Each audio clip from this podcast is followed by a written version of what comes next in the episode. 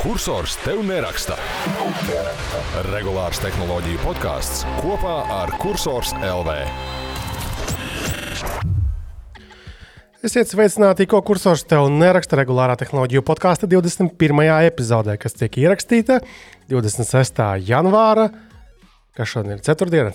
Ceturtdienas pievakarē studijās mēs Kristaps, un šai sarunai mums ir pievienojušies Ansis un Jurģis. Sveiki! Čau, čau! Čaviņās! Ansim šodien ir vārdu diena, bučiņas un čaviņas arī tev tātad. Nu, milzīgs gavils tev, Ansi. Parādi. Ķeramies, ķeramies pie vērša ragiem. Jā, ķeramies pie vērša ragiem. Tātad man liekas, ka lielākais notikums šajā nedēļā tehnoloģiju pasaulē ir tas, ka kursoram ir Discord serveris izveidots. Patiesībā pagājušajā epizodē uh, Es gribēju pajautāt, nu, hei, vai mums vajadzētu šādu serveri. Bet kaut kā nepajautāju, un tad vēl vienu, divas dienas pasēdēju, padomāju, un, ah, fuck it, sataisīsim.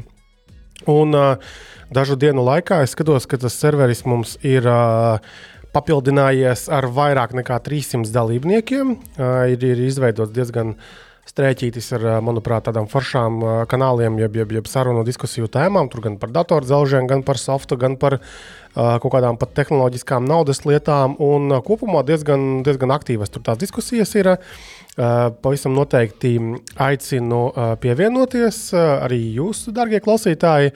Dodamies uz kursors LV, un tur augšā tajā navigācijas izvēlē mēs uzreiz redzēsim nu, Discord, un tas arī aizvedīs uz to serveri. Uh, Palielam, jā, nu, Discord tas ir, tas ir čats, tas ir uh, sākotnēji gameru čats, bet, nu, kā redzam, tur arī dažādas um, komunas var veidoties. Un, jāsaka, godīgi esmu diezgan iedvesmojies no tā, ko aptuveni pusgada laikā, ja nemaldos, ir izveidojis uh, Ansis, tas, kurš ir reperis, nevis mūsu Ansis. Uh, jo tur arī dzīvīga komūna un uh, cilvēki aktīvi tur ņemās un, un čatu. Un es domāju, ka uh, arī tehnoloģiju pasaulē mēs visi bijām pelnījuši šādu serveri. Uh, Eh, praksē tas nozīmē, ka mums ir arī eh, komandas biedri pārnesti. Iepriekš mēs slaku izmantojām iekšējām sarunām. Un, eh, cik es dzirdu no Anča, tad ir baigais bardaks, ka ir daudz sarunu un nevar visam izsekot. Grūti, Anci? Tev kā nav cilvēkam? grūti, es vienkārši ignorēju to visu. Publiskos čatus ignorēju. Yep. Bet, nu jā, noslēdzot šo tēmu, palielam, tas ir nu, mēģinājums būt jums pieejamiem vidē, kas atkal daļai cilvēku ir ērta. Nu, tas nenozīmē, ka teiksim, mēs vērsim ciet komentārus pie rakstiem, vai ka mēs kaut ko darīsim sliktu ar, ar fórumu. Tas viss paliks. Vienkārši ir klāta jauna vieta, jauna vide, jauna platforma, kurā var nu, čata formā vairāk arī papļāpāt un parunāt. Tā kā tā. Lūk, tas ir par, par, par Discord lietām. Tagad vēl viena tāda interesanta lieta. Amerikā ir tāds Robinhood platforma. Finansēšanai, ne, bet, nu, kas viņa brokeris, birža skaitās, ka tu vari iegādāties akcijas uh, un visu kaut ko tam līdzīgu. Un uh, viņi nesen uh, bija paziņojuši, ka viņi būvēs augšā paši savu mēdīju. Uh, un, uh, un, un, un, un, un, un, un tur to vadīs, uh, starp citu, uh, arī uh, viens no The Verge, uh, liekas, bijušajiem augsta ranga uh, darbiniekiem vai, vai, vai, vai vadītājiem. Uh, tagad man izlidoja no galvas Joshua Topolskijs. Uh, un, uh, jā, baigi interesanti. Bet uh, pirms viņi kaut ko tādu ir palaiduši, es uh, tomēr paklausīju ieteikumam un pa, pa, paskatījos, ka viņi jau tagad izsūta tādu ikdienas uh, e-pastiņus, saucās Robin Hood Snacks. Uh, pagūglējam, atradīsim. Tas ir tāds tiešām, nu, nezinu, desmit minūšu laikā ātri izlasāms. Um, Izlasāms tāds apkopojums par tajā dienā notikušajām aktualitātēm. Protams, ka ar, ar tādu kā biznesa iegriezienu, bet atkal tādu populārā biznesa. Tas būs interesanti tiem, kas klausās šo podkāstu. Es arī rekomendēju paskatīties. Un tad mums vēl bija arī Facebookā diskusija par šo tēmu.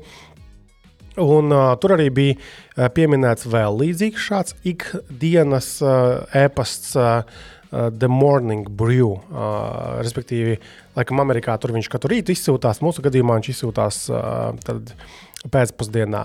Tad to es arī biju mēģinājis. Arī palielam ideja tā pati. Tātad, vakur tev ir e-pastiņš, kurā tev ir skaidrība, tātad, kas dienā ir tāds noticis interesants vai, vai notiek. Un, uh, tur bija par daudz reklāmu. Tādā ziņā tas Robin Hooda snatch ir. Uh, ir krietni, krietni, krietni noderīgāks. Un vēl trešā lieta, ko es pats arī izmantoju un klausos, nevis lasu, ir uh, Seeking Alpha. Tas ir arī tāds uh, investoru uh, Vanabī investoru tāda vietne, kas arī sūta, var sūtīt ikdienas apkopojumu informācijas. Tas gan tāds vairāk ir jau arī uz, uz, uz kompāniju informāciju. Un, un tas ir tas, ko es lasu, bet tas uh, snacks ir, ir baigi labs. Tā kā rekomendēju pamēģināt. Vai jūs kaut ko tādu tam līdzīgu sūtat, nesūtat? Ne, pietiek ēpasta ikdienā. Ja? Spams pietiek. Spams jā. pietiek jā. Lūk, uh, redzēsim, jā, kā viņam, protams, veiksies tam Robin Hoodam ar to, to mediju. Kāds tam vispār viņš būs mūsdienās, uh, nu, redzēsim. It kā Džošo jau zina, ko viņš tur dara. Tālāk. Uh, tad, uh, man liekas, no tādām interesantām, ķeramies klāt uzreiz, man liekas, interesantajām ziņām bija tāda, ka uh, Agenskalna tirgu sācis darboties pirmais pārtikas pakomāts uh, Latvijā. Nu, pakomātu tēma kā tāda nav nekas baigi jauns, bet uh, Šajā gadījumā tas ir pakomāts, kurā tiek uzturēta diezgan vēsa, plus 6 grādu temperatūra. Kas attiecīgi nozīmē, ka mēs varam izmantot to, lai, lai nosūtītu eklērus, šo skābeņa zupu burciņā, piemēram. Ja? Bet viņi visi, visām kastītēm nu, vienādu temperatūru nodrošina, jo citiem produktiem ir vajadzīga zemāka vai augstāka. Nu, manuprāt, es neesmu bijis vēl tur, bet manuprāt, tas ir viena temperatūra. Uh, tam to, to kastīšu backendam aizmugurē. Tur. Tas nu, tā vizuāli jā, tāda, tāda mājiņa, nepārāk izcila skata, bet tur tāda koši logo virsū atradīsim. Un, un to menedžē kaut kāda piegādes platforma EasyPeasy, par kuru es vispār pirms tam nebiju dzirdējis. Vispār neko, bet izskatās, ka viņi kaut kādus individuālos sūtījumus tur nosūta uz jebkuru vietu Latvijā un tā tālāk un tā joprojām. To var, to var visu apskatīties. EasyPeasy uh, up.com. Okay. Lai vai kas tur būtu. Bet, uh, jebkurā gadījumā, nu, forši mēs esam pieraduši pie pakomātiem kā tādiem. Un te parādās kaut kas interesants. Jo, protams, ka tagad ir ziema kaut kāda, vai tā, tā kā tagad ap nulli. Nu, gan jau, ka arī omnivās kaut kādās var sūtīt. Es gan neesmu baigi drošs, ka uh, tur uh, nu, teiksim, līgums atļauj sūtīt pilnīgi jebko. Uh, Gan jau kaut kādi ierobežojumi ir, bet, eh, bet kaut kādā karstā vasarā varētu būt problēma. Bet es domāju, ka arī karstā vasarā būs arī diezgan pagrūti tādā būdiņā uzturēt arī tos plus 6 grādus, ja laukā ir plus 30. Kā bet reāli, kā, kā, kā tā funkcionalitāte varētu atšķirties no kurjera? Tas, ka tur liekas, var... ka šobrīd ir uh, ieliek turpatās un izņem turpatās, nevis pārvada apkārt, ne? vai es kaut kas pārpratis. Arī tā var darīt, bet, teiksim, atbildot uz tavu jautājumu, tad uh, tas ir. Um, nu, kurjers uh, tevi piespiež kā saņēmēju būt noteiktā vietā, noteiktā laikā. Nu, uh, ar tur, teiksim, tajā pakomātā atstāji, un tu esi kā saņēmējs, nu, tu nosaki, kad, es, kad tu aiziesi pēc tās um, burciņas vai salātiem kaut kādiem vai eklēriem. Vai... Vai, vai ir paredzēts, ka būs vairāk šie pak, nu, pārtiks pakomāti, kad varēs aizsūtīt uz kādu citu pilsētu, jo tur otru Rīgas galu vai kaut kā tā, vai šis ir uh, no tomēr tāds, kas ir uh, nepārvietojams, kur tu ieliec, tur tu saņem. Jā, šajā gadījumā ir uh, tajā rakstā, kas mums bija kursorā rakstīts, ka nākotnē paredzēts atvērt citās Latvijas pilsētās. Un, jā, jā, to es redzēju, bet vai, jautājums ir, vai pārvietos, vai, vai es varu, nezinu, to pašu eklēru vai, vai, vai, vai, vai omītas uh, vistiņas izdētās oliņas, es varu aizsūtīt uz, uz droši uz citu uh, pilsētu, vai ir jāizņem tajā pašā aparātā ārā. To es tā kā varbūt tas, tas man sūtīs, ir jautājums par, sūtīs. par, par PVD un, un, un vis, visām šīm normām. Jo, jo ar ēdienu jau vienmēr ir tā problēma, ka, ja viņš nu, sabojājas, tad vienkārši saindējies.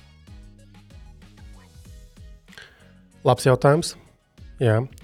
Bet nu, būtībā šeit ir tiešām, cik es saprotu, tāda, jā, ka ir kaut kāds līgums, gan jau tam ar īzī pīzī šiem zemniekiem, mairažotājiem, no viņiem tad savāc. Un tad, un tad aizgādāt, ja kuri arī uz, uz to pakomātu pagaidām vienu, bet pēc tam uz kaut kādiem citiem arī. Man liekas, ka tāda tā uh, lielā doma vispār ir. Tas, tas ir. Uh, nu, jā. à, tur ir kurjeri savācēji. Kaut kas tāds. Nu, tajā platformā Labi, ir kaut kāda attīstīsies, tad skatīsimies tālāk. Jā, bet jebkurā gadījumā forši. Es biju lasījis kaut kad agrāk, ka ārzemēs tāda lieta jau ir laba laiciņa, bet nu, beidzot arī pie mums kaut kas tāds ir parādījies. Cerams, ka uz lieldienām varēs krāsot tās olas sūtīt Kristapam. Jā, es nebraukšu uz Agenskalnu savākt viņus. Nē, nē, ka tev pie mājas būs. À, ne, nedomāju, ka tas tik ātri notiks. Kas skatoties, varbūt kurā gada. Labi. Uh, jā, ok, tad uh, tas ir um, par pakomātiem. Uh, tad vēl tāda interesanta lokāla ziņa bija tāda, nu, kad Gēmijus, tas ir um, uh, viens no Latvijas liekas, tādiem noteicošajiem uh, tīmekļa apmeklējuma analītikas uzņēmumiem, nu, plēlam, kas ir visos lielajos un mazajos mēdījos, uh, lai tie būtu dati salīdzināmi. Viņi ir publicējuši apskatu par uh, pagājušā, jeb 2022. gada apmeklētākajām tīmekļa vietnēm Latvijā. Nu, kā jums jūs lasījāt, noteikti, vai nelasījāt to rakstu? Vai pat, ja nelasījāt, kā jums liekas, kas bija pirmajā vietā pagājušajā gadā? Kura mājaslapā? Jau bija TV, Nets un Delfi grupas. Uh, nenozīmē, nebija tas... inbox. Nē, nē, viņi, tur jau tas gēmijs, ja tev jau ir jāieliek savējais kodiņš, viņa kodiņš savā lapā.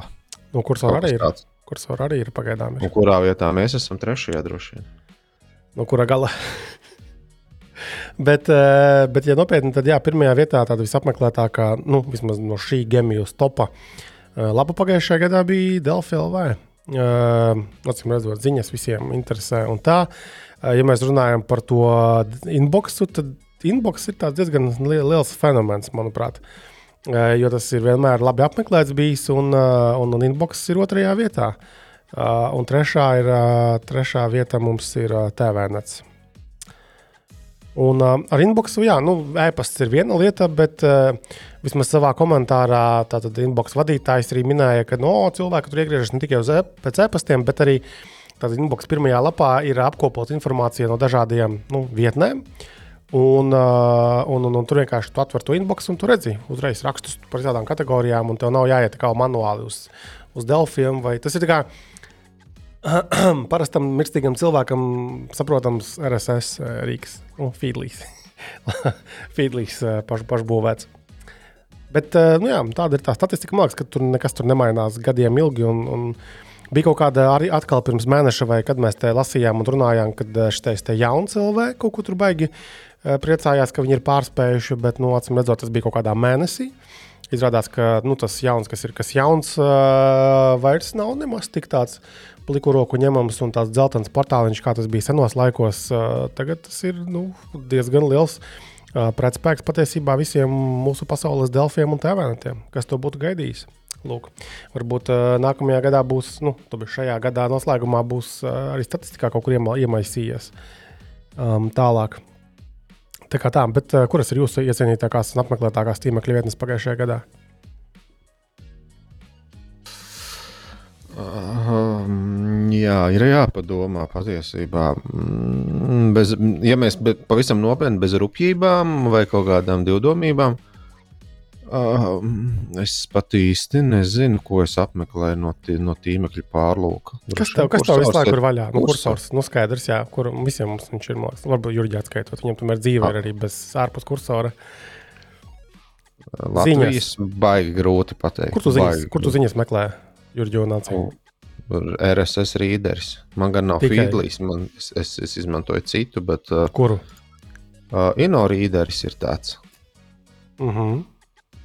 Nu, es, varu, es varu izstāstīt savu ikrīta rutīnu.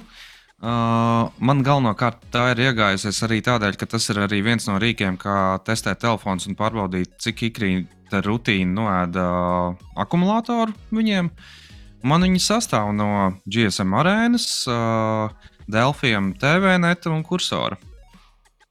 Uh mhm. -huh. Man vēl patīk, ka uh, telefonā uzspiest augšā, tur, kur ir tas Google, uh, Google ikoniņa, Google meklētājs, kā, kādas ziņas izmet Google augšā. Ārā. Jā, tās arī paskatos. Bet, nu, tas, tas, nav, nav. tas nav pirmkārt Latvijas, un otrkārt tas nav baigi regulāri. A, tur varēja norādīt, laikam, kategorijas, kas tev interesē, vai viņi pati mēģina piemeklēt. Grūti pateikt. Pat, pats piemeklē. Vairāk man tur patīk laika ziņas, jo manam telefonam ir pilnīgi kreizī. Laika ziņa lietotne, tu neko nevar saprast. Tas ir kura ražotāja telefonam? Xiaomi kaut kāds? Xiaomi, protams. Tur rāda tev Šenģeņas laiku. Ja? Nē, tur kaut kā diezgan ne, ne, nepārskatām ir rāda. Es nevaru saprast, vai viens ir diena. Tur ir divi, divi, divi, divas šīs te temperatūras, uh, kur viena iespējams ir šī brīža, viena ir varbūt feels like, viena tā varbūt arī tā otra ir. Nu, vakara vai naktas tempa. Es nezinu, nevar, nevar saprast, kas tur ir rakstīts. Visdrīzāk, Viņi arī neatšķir, neatšifrē. Visdrīzāk tur ir tā, ka tā kā pasaulē ķīniešu ir ļoti, daudz, tad uh, Katrā pasaules vietā kaut kur ir pa kādam ķīnietim. Viņš vienkārši ar termometru nostājas laukā, pamēra, pēc tam blociņā pieraksta, aiziet uz māju pie kompija un ievada iekšā kaut kādā ķīniešu sistēmā, un tad tev parādās feels like vai, vai, vai real weather, kas tur ir. Nu, es, es nezinu. Man vairāk patīk, ka tai, tai lietotnē es zinu, gan daudz uh, telefonus ar to uh, saskarni esmu lietojis. Un, uh, man vairāk patīk, ka, te, kad tu ieeji lietus laikā, tad tev atskan arī lietus skaņa. Un tad uzreiz gribu skriet uz podu un bišķi pačurāt. Aptuveni. Jā. Jā, jā, ok, labi. Uh, varētu kaut ko tam, tam līdzīgu feature ieviest, kaut kādā Delphi tēmēnēs, lai, vai inbox galu galā, jā, lai būtu vēl lielāks pielietojums šim visam pasākumam. Uh, jā, skatos, ka, uh, ka šajā nedēļā atkal ir uh, turpinājušās um, atlaišanas lielās tehnoloģiju pasaulē. Un te starp citu, tajā pašā manas pieminētajā Robina Hooda snēgas bija tāda interesanta informācija apkopota. Tātad, tagad par tām atlaišanām. Tātad uh, ir uh, 12,000 Google darbinieku palikuši bez darba. Pavisam nesen, šajā gada sākumā, aptuveni 10,000 Microsoft darbinieki ir palikuši bez darba. Uh, ir Spotify atlaidis kaut kādus tur, ka tik ne 600 vai, vai cik tur. Nu, tur visi viņi atlaiž kaut kādi 5 nu, 4 līdz 6% no visa kopējā darbinieku skaita. Bet, ja mēs tā pāranalizējam, kas tad notiek? Piemēram, tas pats Google. Jā, nu, okay, viņi tagad atlaida 12,000 darbinieku 23. gada sākumā, bet pagājušajā gadā viņi bija pieņēmuši darbā 37,000 darbinieku. Nu, tad, ja mēs saliekam šo 12,000 pret 37,000, tad nemaz tik traki arī nav. Tālāk, kas vēl ir interesanti, protams, ka teiksim, liela daļa šo kompāniju atlaiž, kas darbojas nu, tur, Silīcija ielā, San Francisco un viss šīs gabals. San Francisco tātad bezdarbs ir tikai aptuveni 2% iepriekšējā mēnesī. Es gan pieņemu, ka tas ir nevis kaut kāds kopējais, bet um, tomēr kaut kādu noteiktu darba tipu, nu, darba tipu teiksim, šo te, nu, darbinieku vai bezdarba līmenis. Jo cik man ir gadījies būt tajā San Francisco, San Francisco tad tur narkomānu un visādu bezpajumtnieku ir, ir ārkārtīgi daudz. Un interesanti, kā viņi tur tajā statistikā parādās vai neparādās. Vēl, uh, vēl teiksim, jau pagājušajā gadā sākās šo te darbinieku tehnoloģiju, darbinieku atlaišanas. Un 80% no arī tiem desmitiem tūkstošu darbinieku savu darbiņu atrada nu, aptuveni trīs mēnešu laikā. Un uh, interesanti ir tas, ka pusē no tiem, kas uh, atkal atrada darbu, visai ātri uh, pat alga palielinājās. Attiecīgi, attiecīgi tā nav tāda baigā problēma. Nu, es tiešām nekur neesmu dzirdējis, ja it kā atlaiž baigi daudz tos darbiniekus, bet tas, ka teiksim, šie te kaut cik spējīgi un zinošie tehnoloģiju darbinieki nespēja atrast darbu, nu, bullshit. Nu. Nu, liekas, ka... kā, kā tas notiek? Es vienkārši neesmu šo tēmu daudz uh, pētījis. Kā tas notiek, vai tā atlaišana tiek uh, aizstāta ar kaut kādu citu tehnoloģiju? Nu, pieņemsim, AI uh, var aizstāt uh, šos 12, 13 tūkstošus, vai, vai, vai tur vienkārši diezgan brutāla. Cik var noprast, jā, tur cik var noprast. Vairāk ir uh, neizdevušies projekti. Uh, Tad, iepriekš bija tā, ka ir kaut kādi neizdevušies projekti, kas tiek kancelēti, tad tos darbiniekus pārsvied uz kaut ko citu. Tieši bet, nu, šobrīd, šobrīd, laikam, viņi sapratuši, ka bija padārgi tas sanāk, bet eh, tad tā atkal būs mana nākamā piebilde. Uh, nu, vienā sakot, tas padārgi sanāk uh, paturēt šādus un piemeklēt viņiem vietas, lai arī cilvēki ir gudri un, un, un, un noderīgi. Uh, Bet nu, tā otrā lieta, tā tad drusku ar komunistisko piesitienu, ir, ka bija paska, paskaitījuši, cik tur ir šiem milzu uzņēmumiem, Google, Facebook, Metai, vienmēr sakot, um, Microsoftam un citiem, cik ir apgrozījums, cik ir peļņas. Un, un, un, un, un nu, attiecīgi tur bija norādīts blakus, cik ir atlaistie darbinieki. Nu, protams, mēs uz to varam skatīties no vienas puses vai no otras puses, bet nu, uh, kaut kādā mērā gan jau liekēži ir jāpatīra kaut kādā mirklī. vai tas ir, vai šis ir baigi labais mieklis, lai to darītu. Protams, viennozīmīgi. Protams, vislabākais, vislabākā diena ir šodiena, vai kaut kā tā to saka. Nu, no otras puses, saka, izskan ļoti daudz visādas uh, ziņas, ka cilvēks vienkārši uzzinājis par to no jaunumiem, avīzē. Cilvēks to uzzinājis, pieejot pie darba, ka viņam vairs karte nestrādā, ka viņš vairs netiek iekšā. Nu, vis kaut kādas tādas lietas arī, protams, nu, tas ir. Tas vienmēr ir komunikācijas jautājums. Protams, tas ir arī. Amerikas uh, burvība. Amerikā atlaist ir ļoti, ļoti viegli. Ja? Tur tiešām vai nu atsūtīja e-pastu vai vēl kaut kas. Man ir gadījies. Uh, uh, redzēt, kā izskatās no uzņēmuma iekšienes, nu, kad atlaiž Amerikas kādā uzņēmumā. Uh, diezgan liela daļa cilvēkiem, kad vienkārši viņi paši pat, nu, tā, kā, tā atlaišana ir tik masveida un tik brutāla brīžiem, viņiem vajag, ok, labi, ā, kā mēs tagad darīsim tādu funkciju, nodrošināsim vai šitādu, jo inženieris tur, nezinu, Džons, inženieris tur, Maikls ir atlaisti. Viņi zināja tur, nezinu, tādu vai šitādu lietu, un tagad, ok, sākam domāt. Tāpēc, jā, vēl. Um, Par tām atlaišanām runājot, man te parādīja mm, vakar tādu interesantu TikTok video, kurā kāds amerikāņu džeks, nu, viņam tur tāds garāks rāns bija, bet tā būtība bija tāda, jā, no tādas senos laikos ASV bija ražošanas daudz rūpnīcu, mēs visu ražojām, viss bija baigi nice, darbs, algas, viss šitais. Pēc tam nu, kapitālisms jā, tiešām atrada veidus, ka var outsourcēt uz Ķīnu, vēl vis kaut kur, un darbo vietas mazāk, bet ražošanas izmaksas arī samazinājās. Un viņš savilka kopā tā interesanti šo visu stāstu ar šo strādāšanu no mājām, respektīvi, working from home. Ja tā tad visi baigi priecīgi, o, jā, viss tagad strādāšu no mājām, nerādīšos vairāk birojā. Un viņa prātā tas rada tādu lielāku sajūtu, ka tas cilvēks, nu, kā viņš tur sen nav redzēts, viņš tur dara, nedara, nav, nav, nav skaidrs. Un ka it kā šādus cilvēkus būtu vēl vieglāk aizvietot vai no nu ar citiem kaut kādiem, vai outsourcēt, atkal, nu, kāda starpība. Tur nezinu, Kristaps Jurģis vai, vai Ansis kaut kur tur mājās strādā gadu vai divus. Ah, izskatās baigi dārgi, Ex Exceļos kaut kādos. Jā, dzīvē jau viņš nav redzēts nekad pēdējos divos gados. Un, ah, fuck it, nezinu, paņemsim tur indiešu kaut kādu vagonu, un viņi to pašu izdarīs krietni vairāk teorijā. Tā kā viedokļi visādi ir par šo strādāšanas laiku. Bet, Bet šis jau nav nekas jauns. Nu, vienmēr ir jautājums, vai, vai pētniecība notiek kvantitīvi vai kvalitatīvi.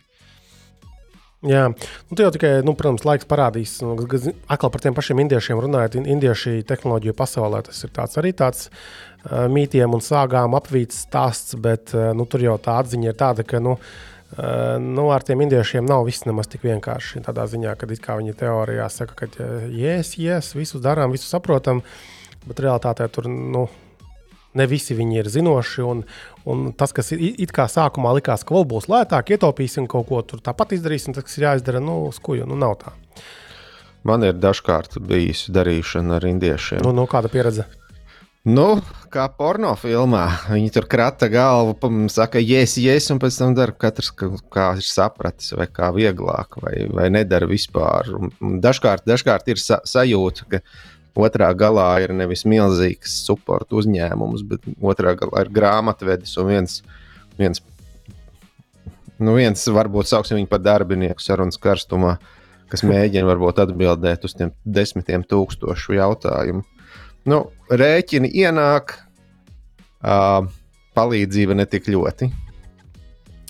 Nu, jā, jā, jā. Tā kā, tāpēc tas atkal rada iespējas kaut kādiem mums, kas, kas var būt outsourcēti uh, speciālisti tiem pašiem amerikāņiem. Nu, ja Indijas setups ir noiets, tad mēs esam nākamie. Nu, kā Ukraiņa, Baltkrievija, Latvieši, kāpēc ne?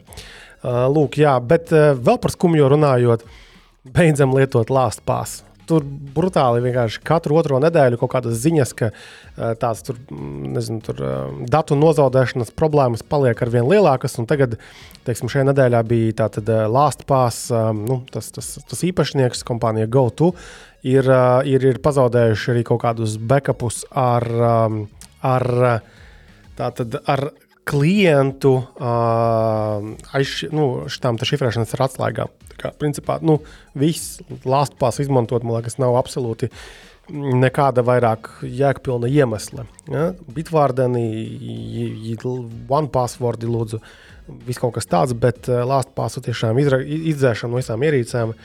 Es neticu, ka ir iespējams atkopties pēc šādas lietas. Nu, tur tikai sliktāk paliek viss. Jūs taču neizmantojat vairāk lāstpās. Vispār nekad. Tu izmantoji šansi kaut kādu brīdi. Es, iz, es izmantoju, bet viņi vienā brīdī tur ieslēdz to, ka vai nu lieto tikai vietālu runī, vai nu lieto tikai datorā, vai arī sāc maksāt. Un tad es pārlecu uz bitvārdenu. Jā. Mm. Jā, nu, atkal, ja mēs burājam pa skumjo līniju iesākumā, tad uh, bija tāda ļoti labi komentēta ziņa par to, ka Android 13 ir uzstādīts tikai knapos 5% viedierīču. Un diezgan sagaidāmi tur komentāros arī teiksim, panesās diskusijas par to, ka, nu, kā man bija tas salīdzinājums, nu, kad, nu, kā var paskatīties, iOS 16 mums ir 75 vai nu, daudz ļoti procentos iPhone ir uzstādīts, un Androidam ir maz, un tad kā, viņi nav tieši salīdzinājumi, tāpēc, ka tur tas un šitais. Kāds ir jūsu viedoklis? 5% Android 13 gadu pēc izlaišanas, nē, nav gads. Nepilns gads. Nav, nav, nav, nav, nav gads. Jā, bet paklaut, tad, kad no miljārda Jā, par miljārdu tas ir tas, kas ir vieninieks ar deviņām nulēm pareizi. Kad no miljārda paņem 5%, tad tur sanāk 50 miljoni. Un, un, un cik tur mums ir tās aktīvās Android ierīces? Baigi daudz. 8 miljardi. Nē, Fū, nē nu, tik daudz nav, bet nu, kaut kas tuvojas droši vien uz zemeslodes iedzīvotāju skaitam. Bet no Androidam jau tas cikls parasti ir tāds, nu, ka uh, gada beigās iznāk jau, jaunākā versija, un tad parasti nākamā gada sākumā ir birums ar, ar telefoniem, kas to jaunāko versiju arī kā, nu, piedāvā. Un šo, šobrīd tas birums mums reāli notiks tikai februārī. Tad būs Galaxy, tad būs uh, uh, Xiaomi, OnePlus un, un viss, viss pārējais. Protams, uh, tur ir arī jautājums par to, vai veciem telefoniem tiek uh, uzstādīts nu, jaunākais softs. Uh, ar to, protams, Androidam nekad nav gājis uh, super viegli un ātri, bet uh, šobrīd, ņemot vērā, ka burtiski pēdējos divus gadus uh, solījumi no ražotājiem ir tādi, ka, ka tiešām šie atjauninājumi lielie būs uh, divus, trīs un pat četrus gadus. Uh, līdz ar to būtībā tad, uh, nu, tam ciparam uh, šī gada laikā diezgan ātri būtu arī jāaug, manuprāt.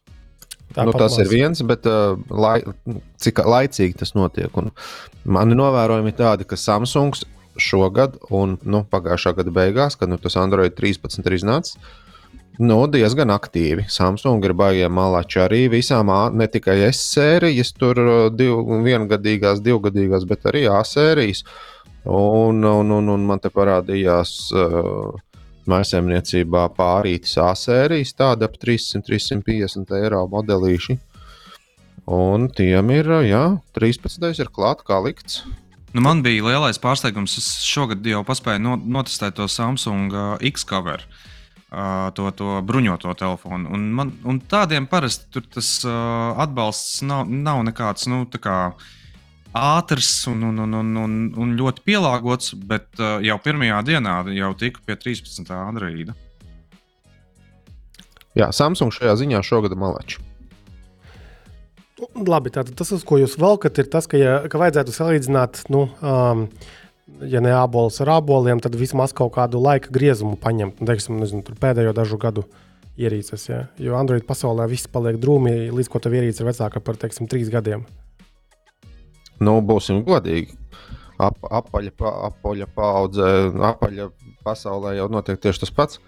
Paņem kaut kādu, nezinu, mini iPadu, pirmo vai otro, viss tam jau arī ir beidzies, beidzies uzturēšanas. Kaut kāds lielais iPads, nezinu, Airs pirmais vēl tiek uzturēts, bet kaut kāds iPad 4 čauka kaut.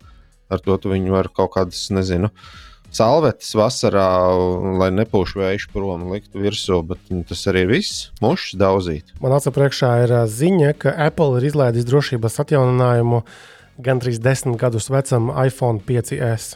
Atcerieties, bija tāda maziņa, maziņa iPhone. Jā, ko tas dod, ja tu viņu nevar uzlikt uh, svaigas lietotnes? WhatsApp tur nestrādās. Uh, tur droši vien vesels kā ar citām uh, lietotnēm ir izslēgtas. Nu, Nu, ko viņi tur lā, lāpīs drošību, bet es ar viņu varu tikai kalkulatoru palietot. Nu, viņi viņi vēl sēž uz 12 uh, iOS. Tātad tas ir cik versijas tur atpakaļ. Bet stāsts ir, par to, bet stāsts ir par to, ka es, man prātā nenāk neviens Android ierīču ražotājs, kas uh, vismaz drošības atjauninājumus tik vecām ierīcēm kaut ko nodrošina. Jā, bet man atkal nenāk neviens Android ierīču ražotājs, kurš būtu paņēmis un nogriezis pavisam, pavisam visu atbalstu. Nu, tādā ziņā, ka tu, tu vari ieiet, tu nevari, nevari ieiet Play Store un ielādēt kaut kādas lietotnes. Ok, Chroms tur ir kaut ko atslēdzis, vecākām ierīcēm WhatsApp ir atslēdzis, bet tas ir saistīts tīri ar drošību. Bet uh, man, piemēram, stāv uz galda, viņš gan tagad strādā kā, kā pulkstenis, nu, tāds vizuāls. Tāpēc Play Store darbojas. Jā, man stāv, es atvainojos, Sony, Xperia. Ultra lielais tas? Ultra lielais, ultra vai Z, ultra vai kaut kas tāds, kas ir. Tas bija izlaists, man... kad Jurģis vēl nebija piedzimis. Aptuveni, jā. Manuprāt, viņam šobrīd stāv piektais Androids virsū vai kaut kas tāds. Un neapstāvā, bet Playstore viņš tiešām tiek iekšā. Playstore iet, jā, nu tur, protams, Ei, viņam WhatsApp neies vai kaut kas tāds, bet, bet 99% visas pārējās lietas man strādā. Okay, Bū, būsim godīgi, Kristap. Šis vairāk izklausās nevis par to, uh, ka, nu, kā tu tur ar to atbalstu īsti ir, bet par to veco labo jautājumu par uh, abolistiem un aboļu rīvēm. Un, okay, uh, tu kā abolis gribi nu, parādīt aboļu rīvēm, ka, ka šī ir tāda no, nopietna problēma, un kam es tev absolūti piekrītu. Bet uh, vienalga, nu, uh, tas ir ļoti, ļoti atkarīgi. Nu, Androidam ir vairāk ražotāji, un patiešām tur ir tas stāsts, ko, ko Ants stāsta, ka ir, ir viens ražotājs, kuram, kuram tu vari lietot septiņus gadus vecu telefonu, un ir tāds, kuram jau, jau pēc trim gadiem tev tur atsakās lietas. Un, un, Nu, bet tieši tāpēc Android ir Android, jo tev ir dažādība absolūti pieejama. Tur pietrūkst stingrības. Kā es to iedomājos? Tātad Google birojs kas tur Cupertino vai, vai ne, Cupertino ar Apple. Nu, kruči kaut kur tur ielējā, jā, saulēnis, tiešām skaisti. Zema apbūve, viss ir pozitīvas emocijas. Izsaukta rindā ir Samsung augstākā vadība, nezinu, tur Sony, vēl visādi. Un tad pa vienam viņi iet iekšā tajā kabinetā.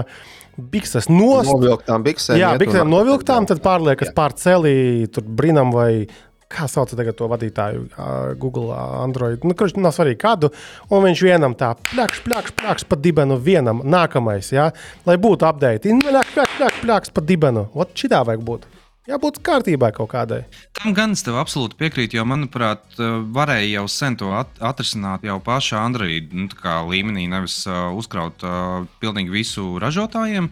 Daļēji jau tas tika darīts ar Android One programmu, bet arī to. Uh, Viņu buksē. Nu, viņa buksē, tāpēc ka, kā jau Google, nu, tu palaidi kaut ko ar baigo entuziasmu, un tad vienā brīdī kaut kā atlaiž, atlaižās, atlaižās darbinieki. Jā, atlaižās un... darbinieki, un, un, un, un pēkšņi vairs tie solījumi nestrādā.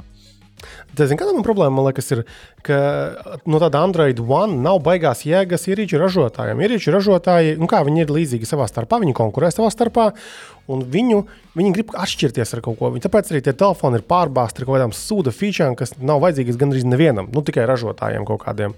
Paši mēs taču labi atceramies, ka Samsungam ir bijuši vājuma momenti ilgajā vēsturē, kad tie telefoni ir vienkārši nu, nelietojami bijuši. Tāpēc, ka viss ir tik pārbāzts bezjēgārtām featurēm, tad it kā saņemās, jo acīm redzot, izcelt viņus uz uh, saulēno ielai.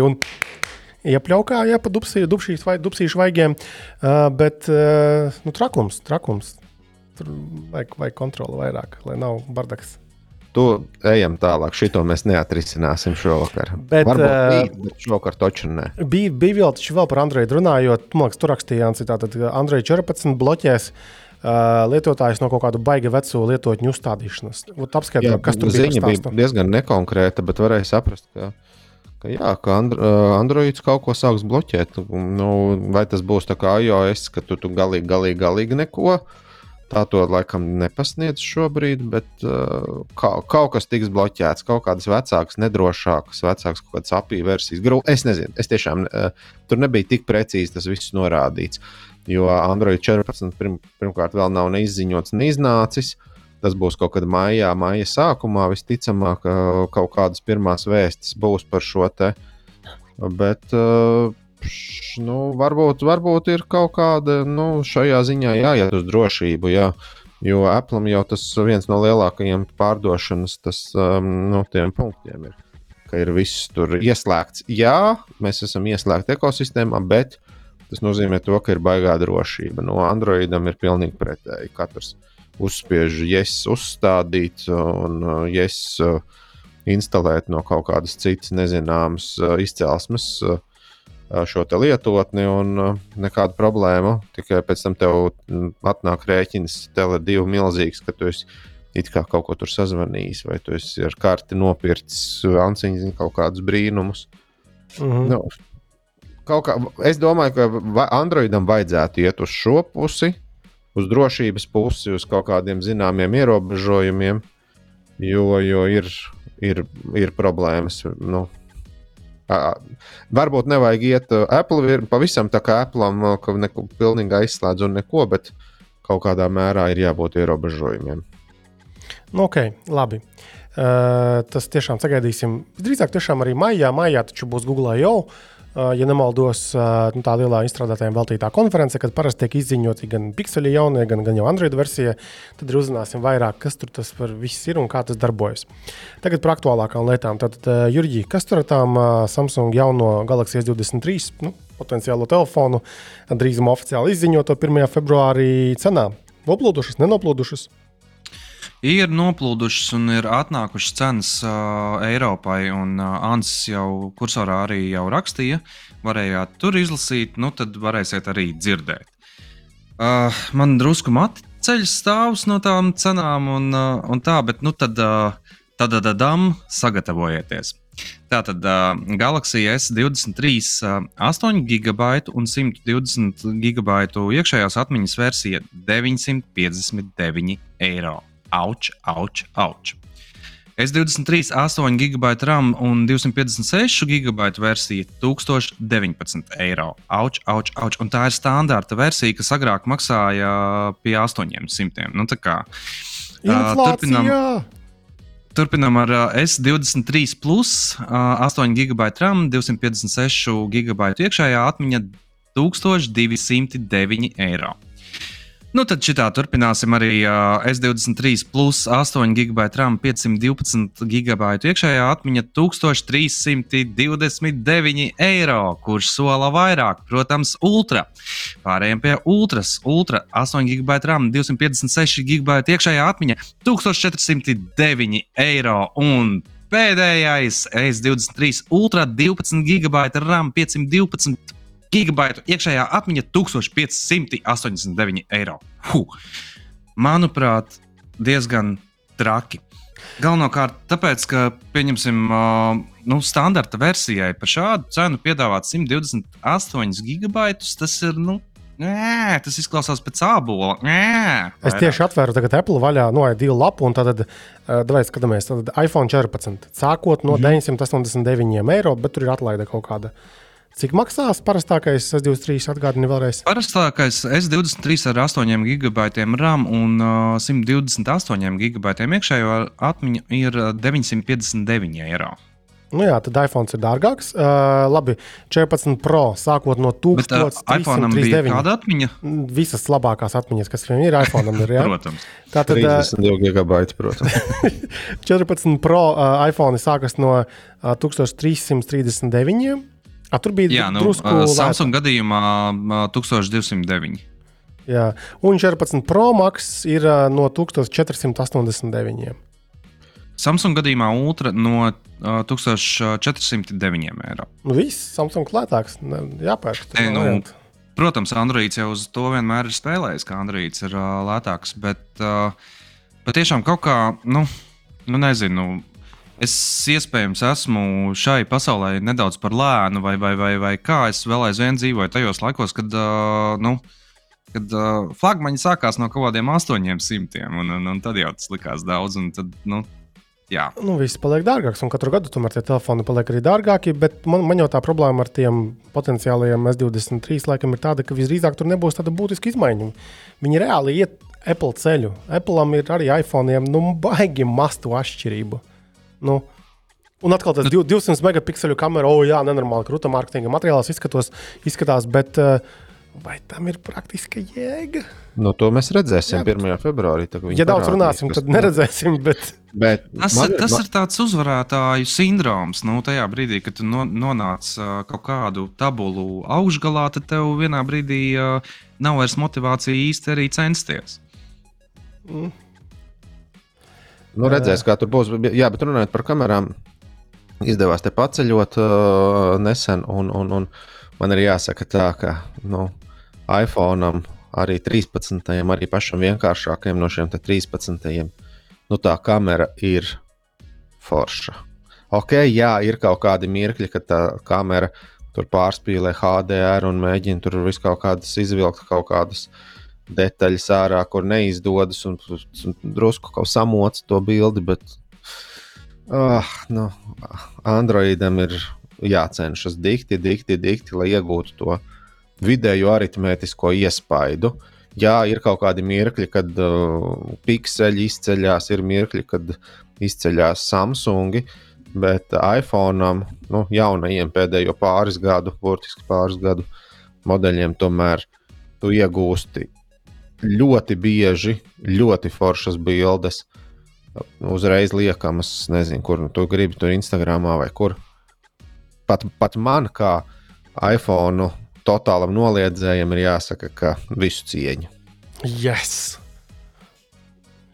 Tims rūpējas par mums.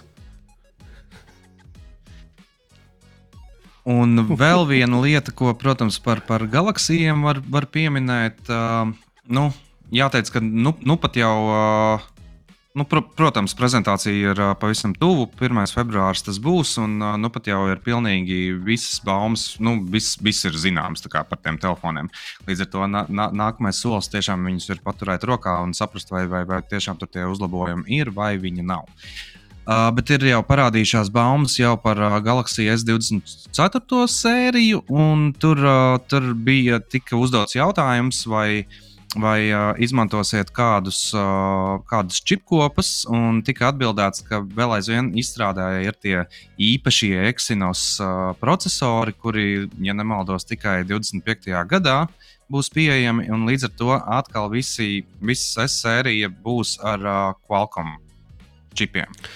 Un, bet ša, šajā gadījumā man liekas, ka tas ir, tas ir milzīgs pluss, jo, jo es atceros, ka nu, Agrākos laikos vienmēr uh, Eiropas apskatnieki ir uh, raudājuši sāļas asariņas uh, par, par, par uh, Amerikas apskatnieku uh, veikumu, kad viņi teikuši, ka uh, baterija uzrāda daudz labāku darbību, pat kameras uzrāda daudz labāku darbību un tam līdzīgi. Jo nu, līdz šim ar tiem Exynos čipiem nu, nav Samsungam tik labi gājis kā, kā ar Qualcomm. Un, un es beidzot teikšu godīgi, es esmu ļoti priecīgs, ka beidzot mēs neesam kaut kāda dīvaini, kaut kāds dīvaini atstumtais kontinents, kas saņem kaut, kaut, kaut ko citādāku nekā pārējā pasaules daļa.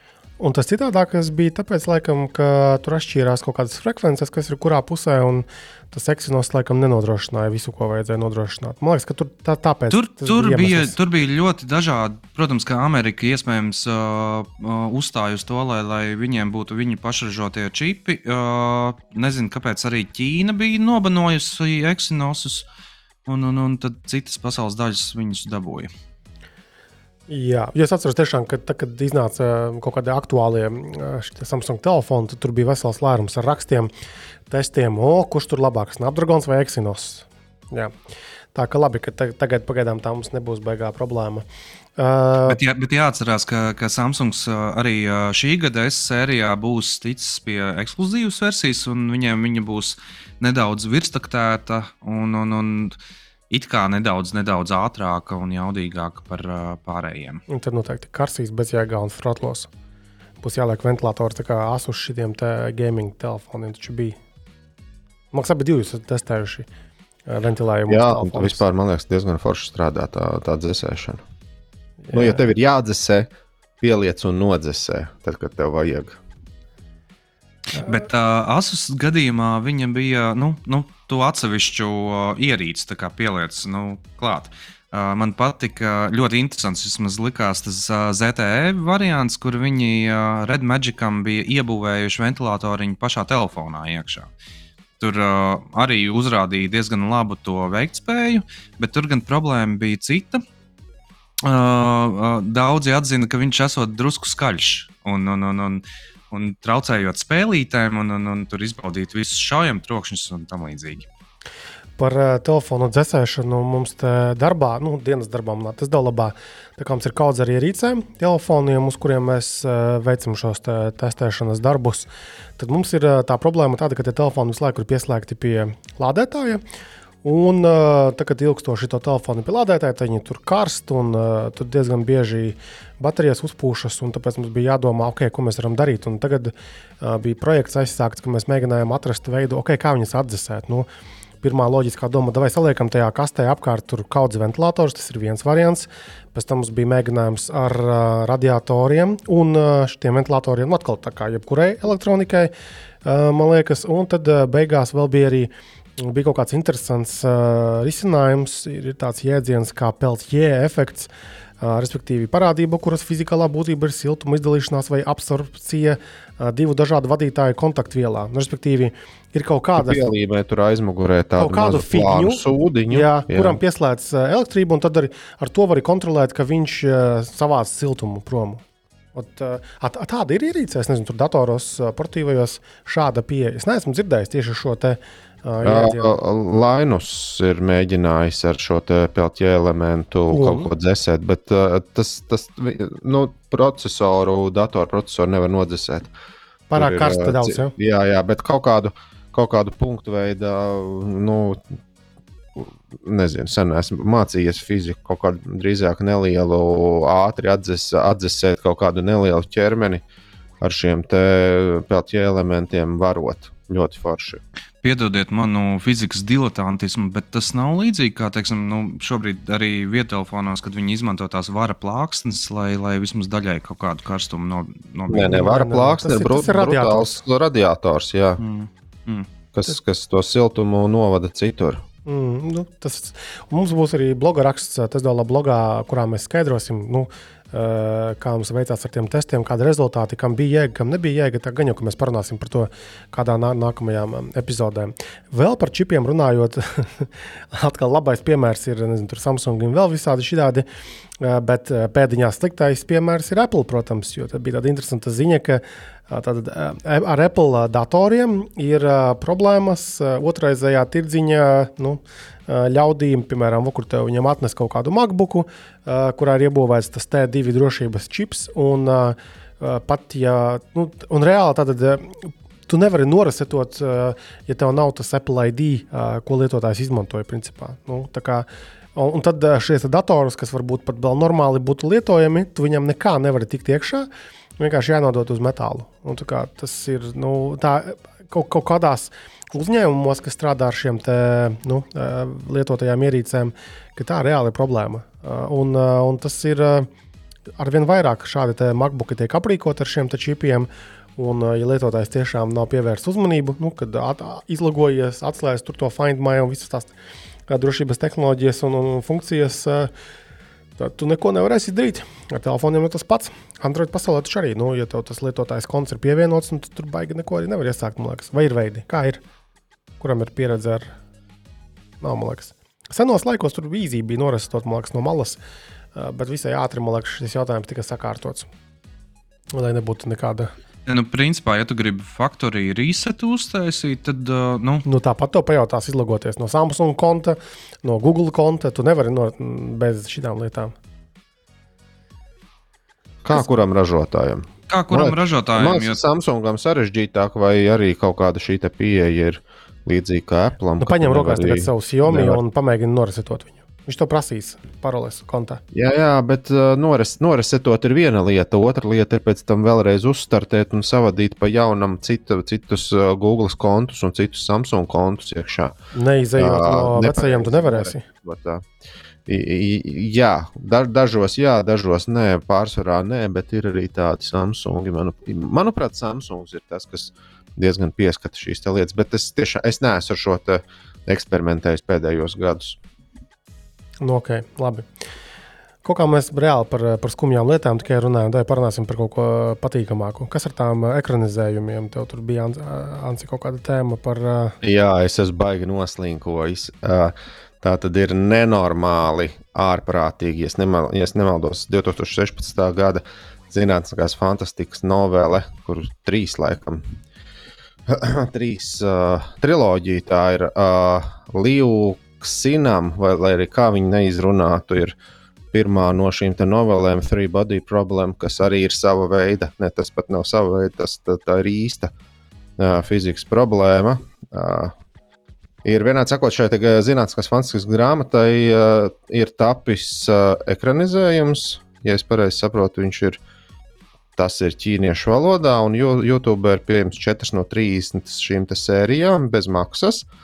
Un šai pašai grāmatai būs arī Netflix adaptācija 2023. gada beigās. Kas tur būs ar Netflix. Nu, mēs zinām, ka Netflixam patīk visu kaut ko sačakarēt, bet Netflixam dažkārt ir arī diezgan ģeniāli šie pasākumi, kur viņi ekranizē kaut kādas grāmatas. Oh, es droši vien mēģināšu noskatīties kaut kādā, kaut kādā mirklī šo te three body problēmu, ko ir, ko, ko ir sataisījuši ķīnieši, vai man tā šķiet. Nu, vienā sakot, bija oriģināla valodā un jāskatās ar angļu subtitriem. Ir. Bet, bet, bet, bet, bet grāmatu man bija. Es tā kā sāku lasīt, bet man bija baigi grūti izsekot, jo tur ir diezgan daudz šie varoņi. Un, un, un, uh, es mēģināju lasīt angliski, un uh, nu, nav tā, ka galīgi neko necērtu, bet uh, tas, ka bija ļoti daudz šie varoņi, tas man tā nolika pie vietas. Un nu, grāmata ir gara. Nu, redzēs, es paskatīšos, uh, paskatīšos, ko viņi ir uzfilmējuši. Varbūt mēģināšu izlasīt pēc tam. Bet nu, šis te zinātniskās fantastikas, faniem varētu būt uh, nu, patīkami, ka ir salīdzinoši jauna, grā, jauna grāmata, jau ekranizēta un turklāt dubultā būs šī gada beigās. Par, tā, par to grāmatu es arī biju dzirdējis, bet uh, netiku vēl līdz lasīšanai. Man liekas, man kaut kādā one to read listē arī labu laiku arī stāv. Uh, nu, tā ir tāda klasiska, man liekas, zinātniskās fantastikas um, darbs, populārs tāds. Uh, par vēl ekranizējumiem bija tāda interesanta ziņa, ka vecais labais rakaris Duke Nukem uh, tiks pārvērsts arī filmā. Es domāju, ka bērnībā vismaz bārdēnais Ansis ir spēlējis Duke Nukem. Tas taču bija leģendāra spēle. Rūpija, rūpija un Jā. forša. Tie, es tieši gribēju piebilst, ka bija rupja. Jā. Es neesmu, tas, tas... es neesmu to aktuālo versiju spēlējis, bet tikai to jaunības dienu versiju esmu spēlējis. Tieši tā, es, man ir tieši tas pats, un tur bija rīktīgi forši. Tā bija salīdzinoši viegla, baudāma. Jā, Jā. piešķila, paspēlē, viss notiek. Jā. Uh, un vēl par ekranizācijām. Nu, tagad uh, šonadēļ noskatījos otro epizodi no The Last of Us seriāla. Tātad tas ir no HBO seriāls, kuru, starp citu, jā, kā, kā jau mēs iepriekš runājām, uzņem tas pats Čalis, kas, kas arī Černobiļas seriālu uzņēma. Un, un viņiem arī podkāsts ir Spotify par šo te, nu, kā, kā tur, kuras epizode ir veidota. Uh, Un beidzot, tajā otrajā epizodē parādījās tie klikeri, tie, tie riebīgie monstriņi. Un kopumā foršs tāds adventure tipā seriāls. Un, protams, ka cilvēki ir noskatījušies, un tad atkal gribas pieķerties pie spēles abām daļām, uh, paspēlēt. Un, un tur, tur vairāk nekā kaut kāda tur, tur 250 vai 300 procenti pieprasījums pēc šīm abām spēlēm parādījās. Ļoti sagaidāmi, ļoti interesanti. Tas līdzīgi kā uh, Vičeram arī tas seriāls iznāca, kur, kur es pirmajā sezonā atzinu par draņķīgu, uh, bet tas tāpat neliedza cilvēkiem steigties un uh, pirkt tā spēli un spēlēt vēlreiz. Jā, jo tas nu, visiem patīk ekranizēt, un tur piķis griežas abos virzienos diezgan labs, man liekas. Bet par laimi Last of Us. Bet tas, tas man, manuprāt, ir superīgs mārketings, nu, ka tu ir. ekranizē kādu spēli, un tad, tad uh, abiem ir iegūms. Nu, ja mēs skatāmies, teiksim, bērnu virzienā, nu, uh, lai cik mīlīgas vai nemīlīgas arī tās mūtens nebūtu, bet uh, vienalga, tas, cik tas ir brīnišķīgs uh, mārketings uztaisīt LEGO filmu. Nu, protams, ka visiem sīkajiem uzreiz vajag LEGO, un tas pieprasījums uh, nu, abās pusēs aug. LEGO ir briesmīga lieta. Jā. Kaut kā bērnībā mums bija kaut kāda LEGO gabaliņa, bet kā, kā, kā mazie bērni mēs taču neaizdomājāmies. Gan jau, ka toreiz viņi arī dārgi maksāja.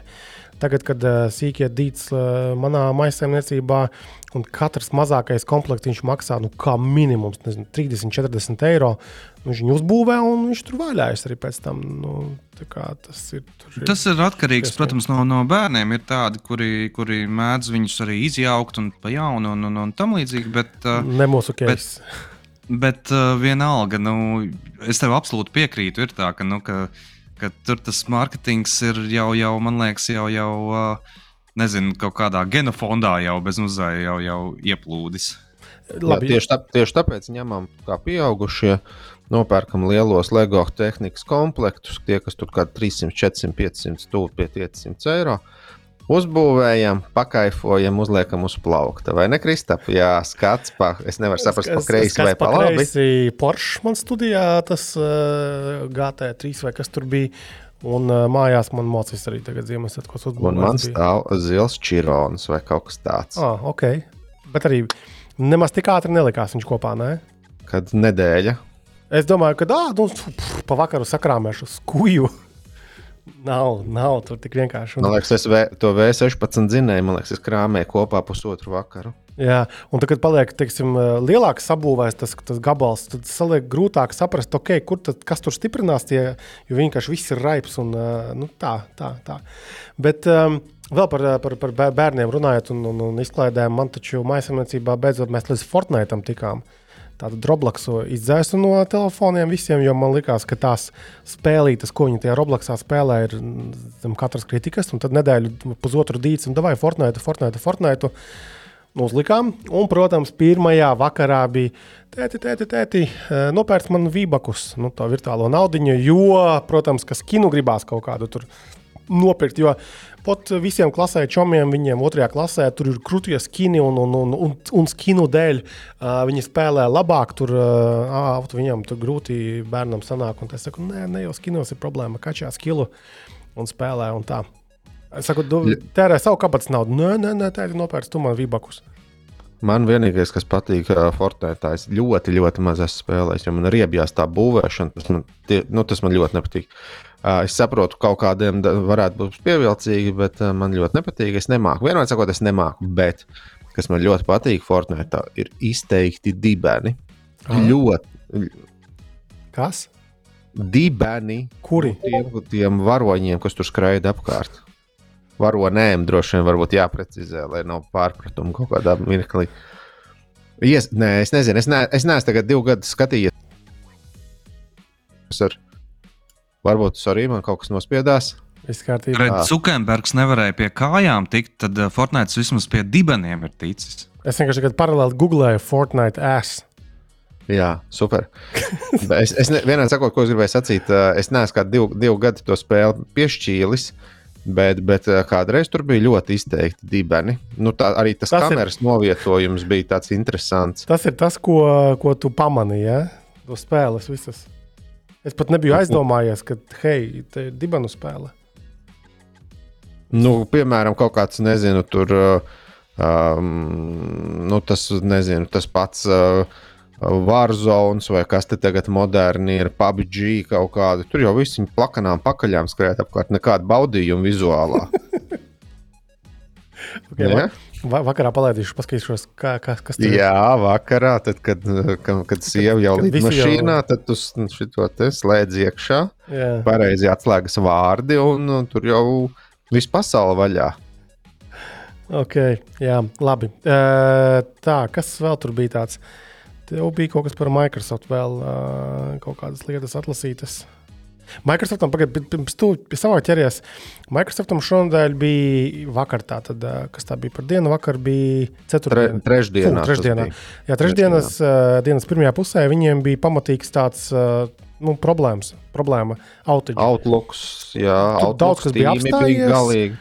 Un, cik es sapratu, tad tur tā problēma bija tāda, ka kaut kāda konfigurācija, nu, networking uh, configuration, gone wrong, un, uh, un tad kaut ko viņi tur griez atpakaļ un uh, tad salaboja. Bet tur bija uz kaut kādām četrām stundām vai kaut kas tur ierobežots. Un tas ir dārgi. Es domāju, ka tā kā, tur tās SLA saslēgt ar, ar maksājušiem klientiem, šķiet, viņiem priklausīs maksāja diezgan dārgi.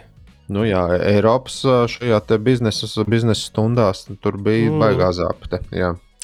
Jā, tā kā nu... Amerikai varbūt mazāk, bet uh, trāpīja, bet Eiropai trāpīja tieši, tieši kā reiz uz, Man liekas, tur bija no 8, 9 rītā līdz nu, stipram pusdienas laikam. Es pat, redzē, es, es pat redzēju smieklīgu mēmī, nu kā tagad ir tas Microsoft 365. Tas viņiem bija nosvītrots un Microsoft 364. Jā, tieši tā. Uh, bet, labi. bet, bet vispār diezgan, diezgan, diezgan krimināli tas ir. Mm. Kas tev bija tur atlasīts vēl par Microsoft ziņu kaut kādu? Jā, par Microsoft bija ziņa, ka viņi ka būs uh, Windowsam, cik varēja noprast, gan, gan 10. Windowsam, gan 11. arī laikam uh, būs kaut kāds uh, ielāps, kaut kāds labojums, kas tur arī meklēs. Uh, vai tev gadījumā nav uzstādīta vecāka Office versija? Vecāka Office versija ir 7., 10. un arī 13. 2013. gada Office, jo 13. gada Office aprīlī šī gada beidzās uh, tehniskais atbalsts. Uh, nu, ziņa ir diezgan tāda, nu, arī nu, ļoti aptuvena, droši vien tā jāsaka. Cik var noprast, tad kaut kādā mirklī spiedīs uz šo Microsoft 365, 364 abonēšanu. Uh, bet uh, Microsoft šobrīd it kā sola, ka uh, nu, tur visi dati drošībā, tur kaut kas tur tiks sūtīts uz serveriem, kaut kas netiks. Bet, nu, uh, kā tur tas beigās būs un ko tieši Microsoft kādus datus no mums izgūs, kā tie tiks pielietoti. Nu, baigi. Šis, šis te ir nu, tāds baigais jautājums, vai, vai to vajag, kam to vajag, kā tas tiks pielietots, un beigās kādi dati būs uh, aizies uz Microsoft serveriem. Nu, filozofēt mēs varam daudz, bet nu, tā ziņa izskatās diezgan labi. Tev žēl savu datu? Nu, jā, bet, nu, piemēram, kad tu instalē šo Windows uz savu datoru, tad tu... es atkal, es atkal saspaidīju lielā sajūsmā. Sorry.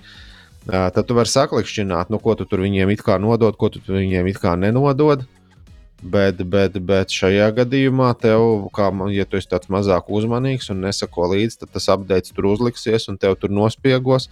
Nu, it kā nu, saka, nospiegos? ka vienu reizi. Pirate Bay no. pirksts uh, Windows. Nu, kur problēma? Office, nezinu, kādā tur. Nu, gan jau arī turpat Pirate Bay, kas mums mūsdien, kur pērk mūsdienās Office? Kur tu pērci? Es, ne, es nelietoju.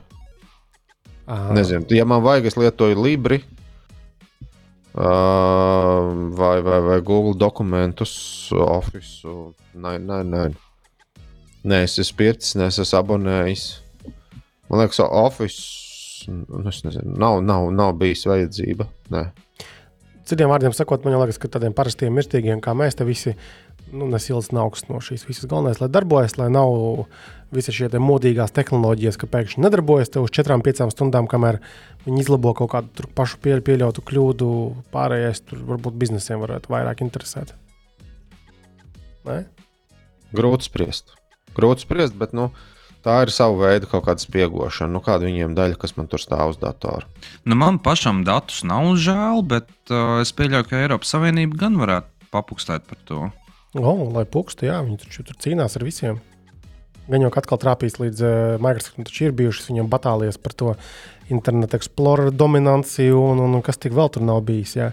Uh, bet atkal, ja mēs par to pašu Microsoft kaut kā šajā epizodē daudz runājam, tad um, tur vēl viena tāda ziņa, ka Microsoft diezgan aktīvi paplašina sadarbību ar to OpenAI. Uh, tas ir tā organizācija, kas to chat GPT un, un citas tehnoloģijas, mākslīgā intelekta, slēdz mašīnu mācīšanās veido. Un um, tagad um, uh, ka viņi plāno ieguldīt tur uh, reāli 10 miljardus vai pat vairāk uh, dolāru tieši šajā organizācijā. Viņi tur piedāvā, ka saprot arī savu mākoņu servisu, ažūru un, un ko tik vēl nē. Un vienkārši arī diezgan daudz rakstu ir par to, ka, ah, ko Google dara. Jā, Google būvē tur savēs kaut kādas tehnoloģijas, un vai nesanāks tā, ka tagad ar šīm uh, iepirkšanos uh, Microsoft kaut kādā jomā aizskries priekšā, jo viņš tur taisās ie, ieintegrēt gan Bingā, gan tur oficiālos, šmofisos šīs tehnoloģijas. Es, es, es lasīju viedokli, bet nu, grūti, protams, ir spriest, kas tas ir.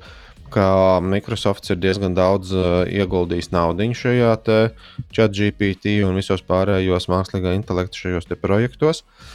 Un uh, ka problēma ir Google pusē, jo Google it kā, it kā gribētu darīt to pašu, bet Google pa lielam šobrīd ir uh, nu, reklāmas nu, tu mazā, mazāk saņem jēdzīgu saturu, vairāk reklāmas mēdz saņemt.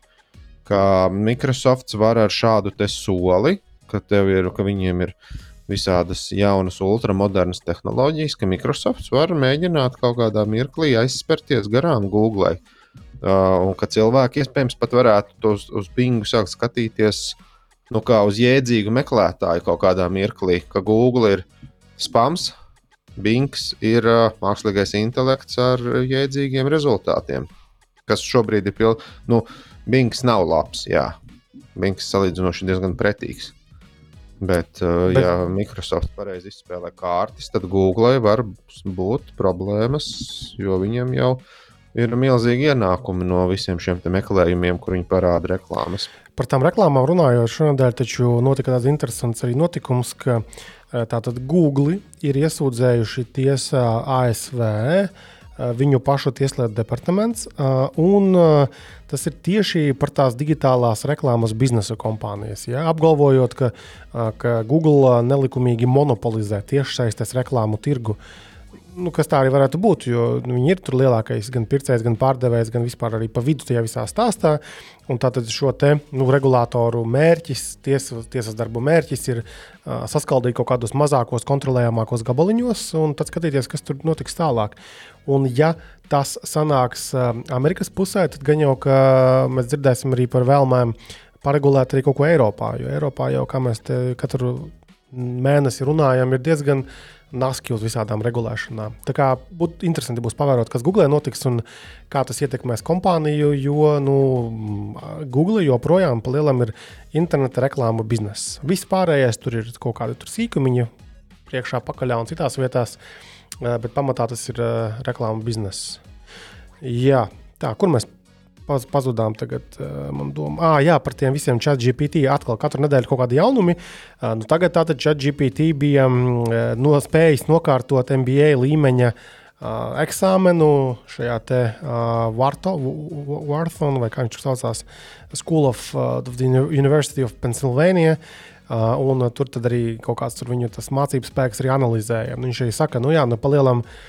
Tātad uh, šis robots uh, viņam bija grūti tikt ar nu, tādiem matemātikas uzdevumiem, kaut kādiem sestās klases viņam nu, reāli grūti gāja. Un dažkārt tās atbildes bija uh, nepareizas, pat desmitkārtīgi nu, no tām pareizām atbildēm. Uh, un, um, savukārt labāk gāja ar kaut kādiem tādiem muldamajiem uh, jautājumiem, uz to viņi diezgan varēja kaut ko tur arī muldēt. Un, Bet kopumā tie punkti tika savākti, lai tomēr nokārtotu šo eksāmenu. Tas raisa tādas interesantas pārdomas par to, nu, kā šie jaunie surikāti mēģinās izmantot savā nolūkā. Mēs esam arī dzirdējuši komentārus, ka skolēni jau darbiņus kaut kādus raksta ar šo botu, jo viņš pat latviešu kaut ko tur mēģina saprast.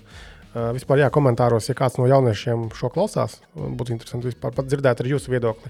Cik ļoti ir vai nav šis bots noderīgs jūsu vai nu studiju procesā, vai, vai, vai mācību procesā. Un, vienkārši man liekas, ka liela daļa skolotāju, tīpaši Latvijā, vēl vispār nefiltrē, kas notiek un vai kaut kas var mainīties. Es arī atceros, tā, kad es sāku studēt pirms diezgan daudz gadiem RTU, man bija. Mm, kas tas bija? Tas PDA, tas bija tas personāla digital assistant, uh, kas pa gabalu varēja izskatīties kā, kā kalkulators. Bet, protams, kas tur varēja ielādēt iekšā nu, spikerus, normāli teksta dokumentiņus. Un bija pasniedzēji toreiz ar tevi, kuri nu, nu, izstāsta, ka kalkulators kaut ko tur ņemās un bakstās, bet es vienkārši sēžu smaidīgs un, un norakstu. Un tad bija pasniedzēji, kuri bija redzējuši šādas tehnoloģijas, un tur mans eksāmenis beidzās visai ātri. Un varēju izmantot ekskluzīvu iespēju nākt kārtot vēlreiz. Tā kā, es domāju, ka ar tiem botiem arī tagad bija arī kaut kādas ziņas, arī, ka ir kaut kādi cilvēki, kas jau mēģina radīt tehnoloģijas, kas mēģina atšķirt, kuru tekstu ir rakstījuši cilvēki, nu, vai kaut kas cits, un kuru tekstu ir rakstījis tas pats ChatGPT. Tas ir jā, līdzīgi kā ar tiem deepfakiem. Vienu momentu taču runāja, o, tu visi taisīs deepfakus. Un mums jābūvē tehnoloģijas, kas mācīs atpazīt deepfakes. Kaut kā tā tēma ir pieklususi. Tagad ir top tēma chat GPT un visa veida šie te, uh, risinājumi. Manuprāt, vispār būtu jāsataisa mums uh, kāds viesis jādabū, kurš arī varētu būt uh, jēdzīgāk pastāstīt no tehniskās puses, uh, cik krūta vai nav krūta ir uh, lieta šis chat GPT. Bet akadēmiskā vidē viņiem taču ir tās sistēmas, kas atpazīst plaģiātismu. Es pieļauju, ka, tur, nu, ka tas varētu būt kaut kāds stipri līdzīgs risinājums. Nu, jā, jā, bet uh, tur ir jāstāsta šis chat GPT plugins, lai viņš mā, mācītu atpazīt šos te tekstus. Uh, lūk, ah, un, nu, un vēl arī teiksim, šajā saistītajā tēmā, tātad no pasaules viens no lielākajiem vai pats lielākais fotobanka, Shutterstock, uh, ir palaiduši paši savējo Generative AI image tool. Uh, Eh, tas ir tātad viņi arī ir ar to OpenAI. Un paskatās, OpenAI visur ir kaut kur ielīduši. Un uh, viņiem bija tas DAL-E uh, projekts, kas arī uzrakstīja tur nosaukumu, nezinu, tur Five Dogs and the Cat. Un viņš sazīmē dīvaina paskata fejkus uh, suņus un, un kaķi. Un tagad ir Shutterstockā arī iebūvēts šis rīks, un var arī automātiski uzģenerēt dīvaina paskata bildes. Es redzu jēgu uh, Shutterstockam. Nu, tādā ziņā, ka nu, kā, tavs bizness ir. Tātad piedāvāt bildītas cilvēkiem, kam vajag, nezinu, tur smaidīgu oficiālu darbinieku stoku bildē, ja? vai tur suns vai, vai vēl kaut kas. Un, ja tu nevari nosegt ar, dzīvu cilvēku nobildētām bildēm, tad vakarā uzģenerēsim kaut kādu sūdu mēs arī. Tā kā tā. Bet nu, pagaidām, man liekas, tā bilžu kvalitāte ir tāda vēl nosacīta. Tur gan baigi jāatrenē, laikam, tie modeļi, lai viņi izskatītos kaut cik interesanti. Uh, bet tas varētu paģenerēt uh, Fortnite uh, pakaļiņas. Uh, Tur nav ko ģenerēt, tur viss ir, viss ir gatavs. es, es gribēju piebilst šajā gadījumā, ka uh, vai tur nebija gadījumā vairāk stāsts par to, ka Shutterstocks un citi šie te, uh, bilžu pirkšanas, pārdošanas uh, servisi nebija sajūsmā par to, ka Uh, mākslīgais intelekts izmanto viņu bildes, uh, nu, lai gūtu kaut kādu apmācību. Nu, tāpēc arī viņi ir ieviesuši pašu savu stūli, kas to uzstājas. Jā, jā, mēs tieši par to arī runājām, manuprāt, pagājušajā reizē vai aizpagājušajā. Es nezinu, vai tas bija gluži ar Shutterstock, Getty Images. Jā, tas bija cits ir iesūdzējis tiesā tātad nevis OpenAI projektu, bet Stable Diffusion, vēl vienu tur tas projekts organizācija, jo viņi tieši skreipoja tās bildes, nu, jo to bilde ir smuki metadati, jā, ka tur ir tiešām tie five dogs and the cat. Un tas ir tas, kas tam robotam ir vajadzīgs. Un uh, Getty Images arī norādīja, ka, nu, kā vakarums ir licences, maksājiet ragā un varat skreipot uz, uz vēlna paraušanu. Bet, protams, ka šie visi žuļīgi taču nemaksās par tādām lietām. Lūk, nu, kā, jā, redzēsim. Es domāju, ka katru nedēļu vismaz pusgadu mums būs vēl ko e, lasīt un, un stāstīt par rakstiem, kā mākslīgais intelekts mums visu pasauli mainīs, atņems visiem darbu un viss ģenerēs podkāstus tālāk mūsu vietā pats. Tā, e, man patika, zina, kāda ziņa e, par video kartēm. Tagad tev ir Ansija kaut kāda sava video karšu ziņa, vai atver pastāstīt par, par to 40, 70 RTX. Jā, jā. vienādi sakot, Uh, ziņa ir par to, ir kaut kāds veikaliņš Vācijā, kas diezgan, diezgan aktīvi dalās ar saviem novērojumiem. Uh, nesaukšu, ah, viņi Mindfactory, laikam tā viņi saucās.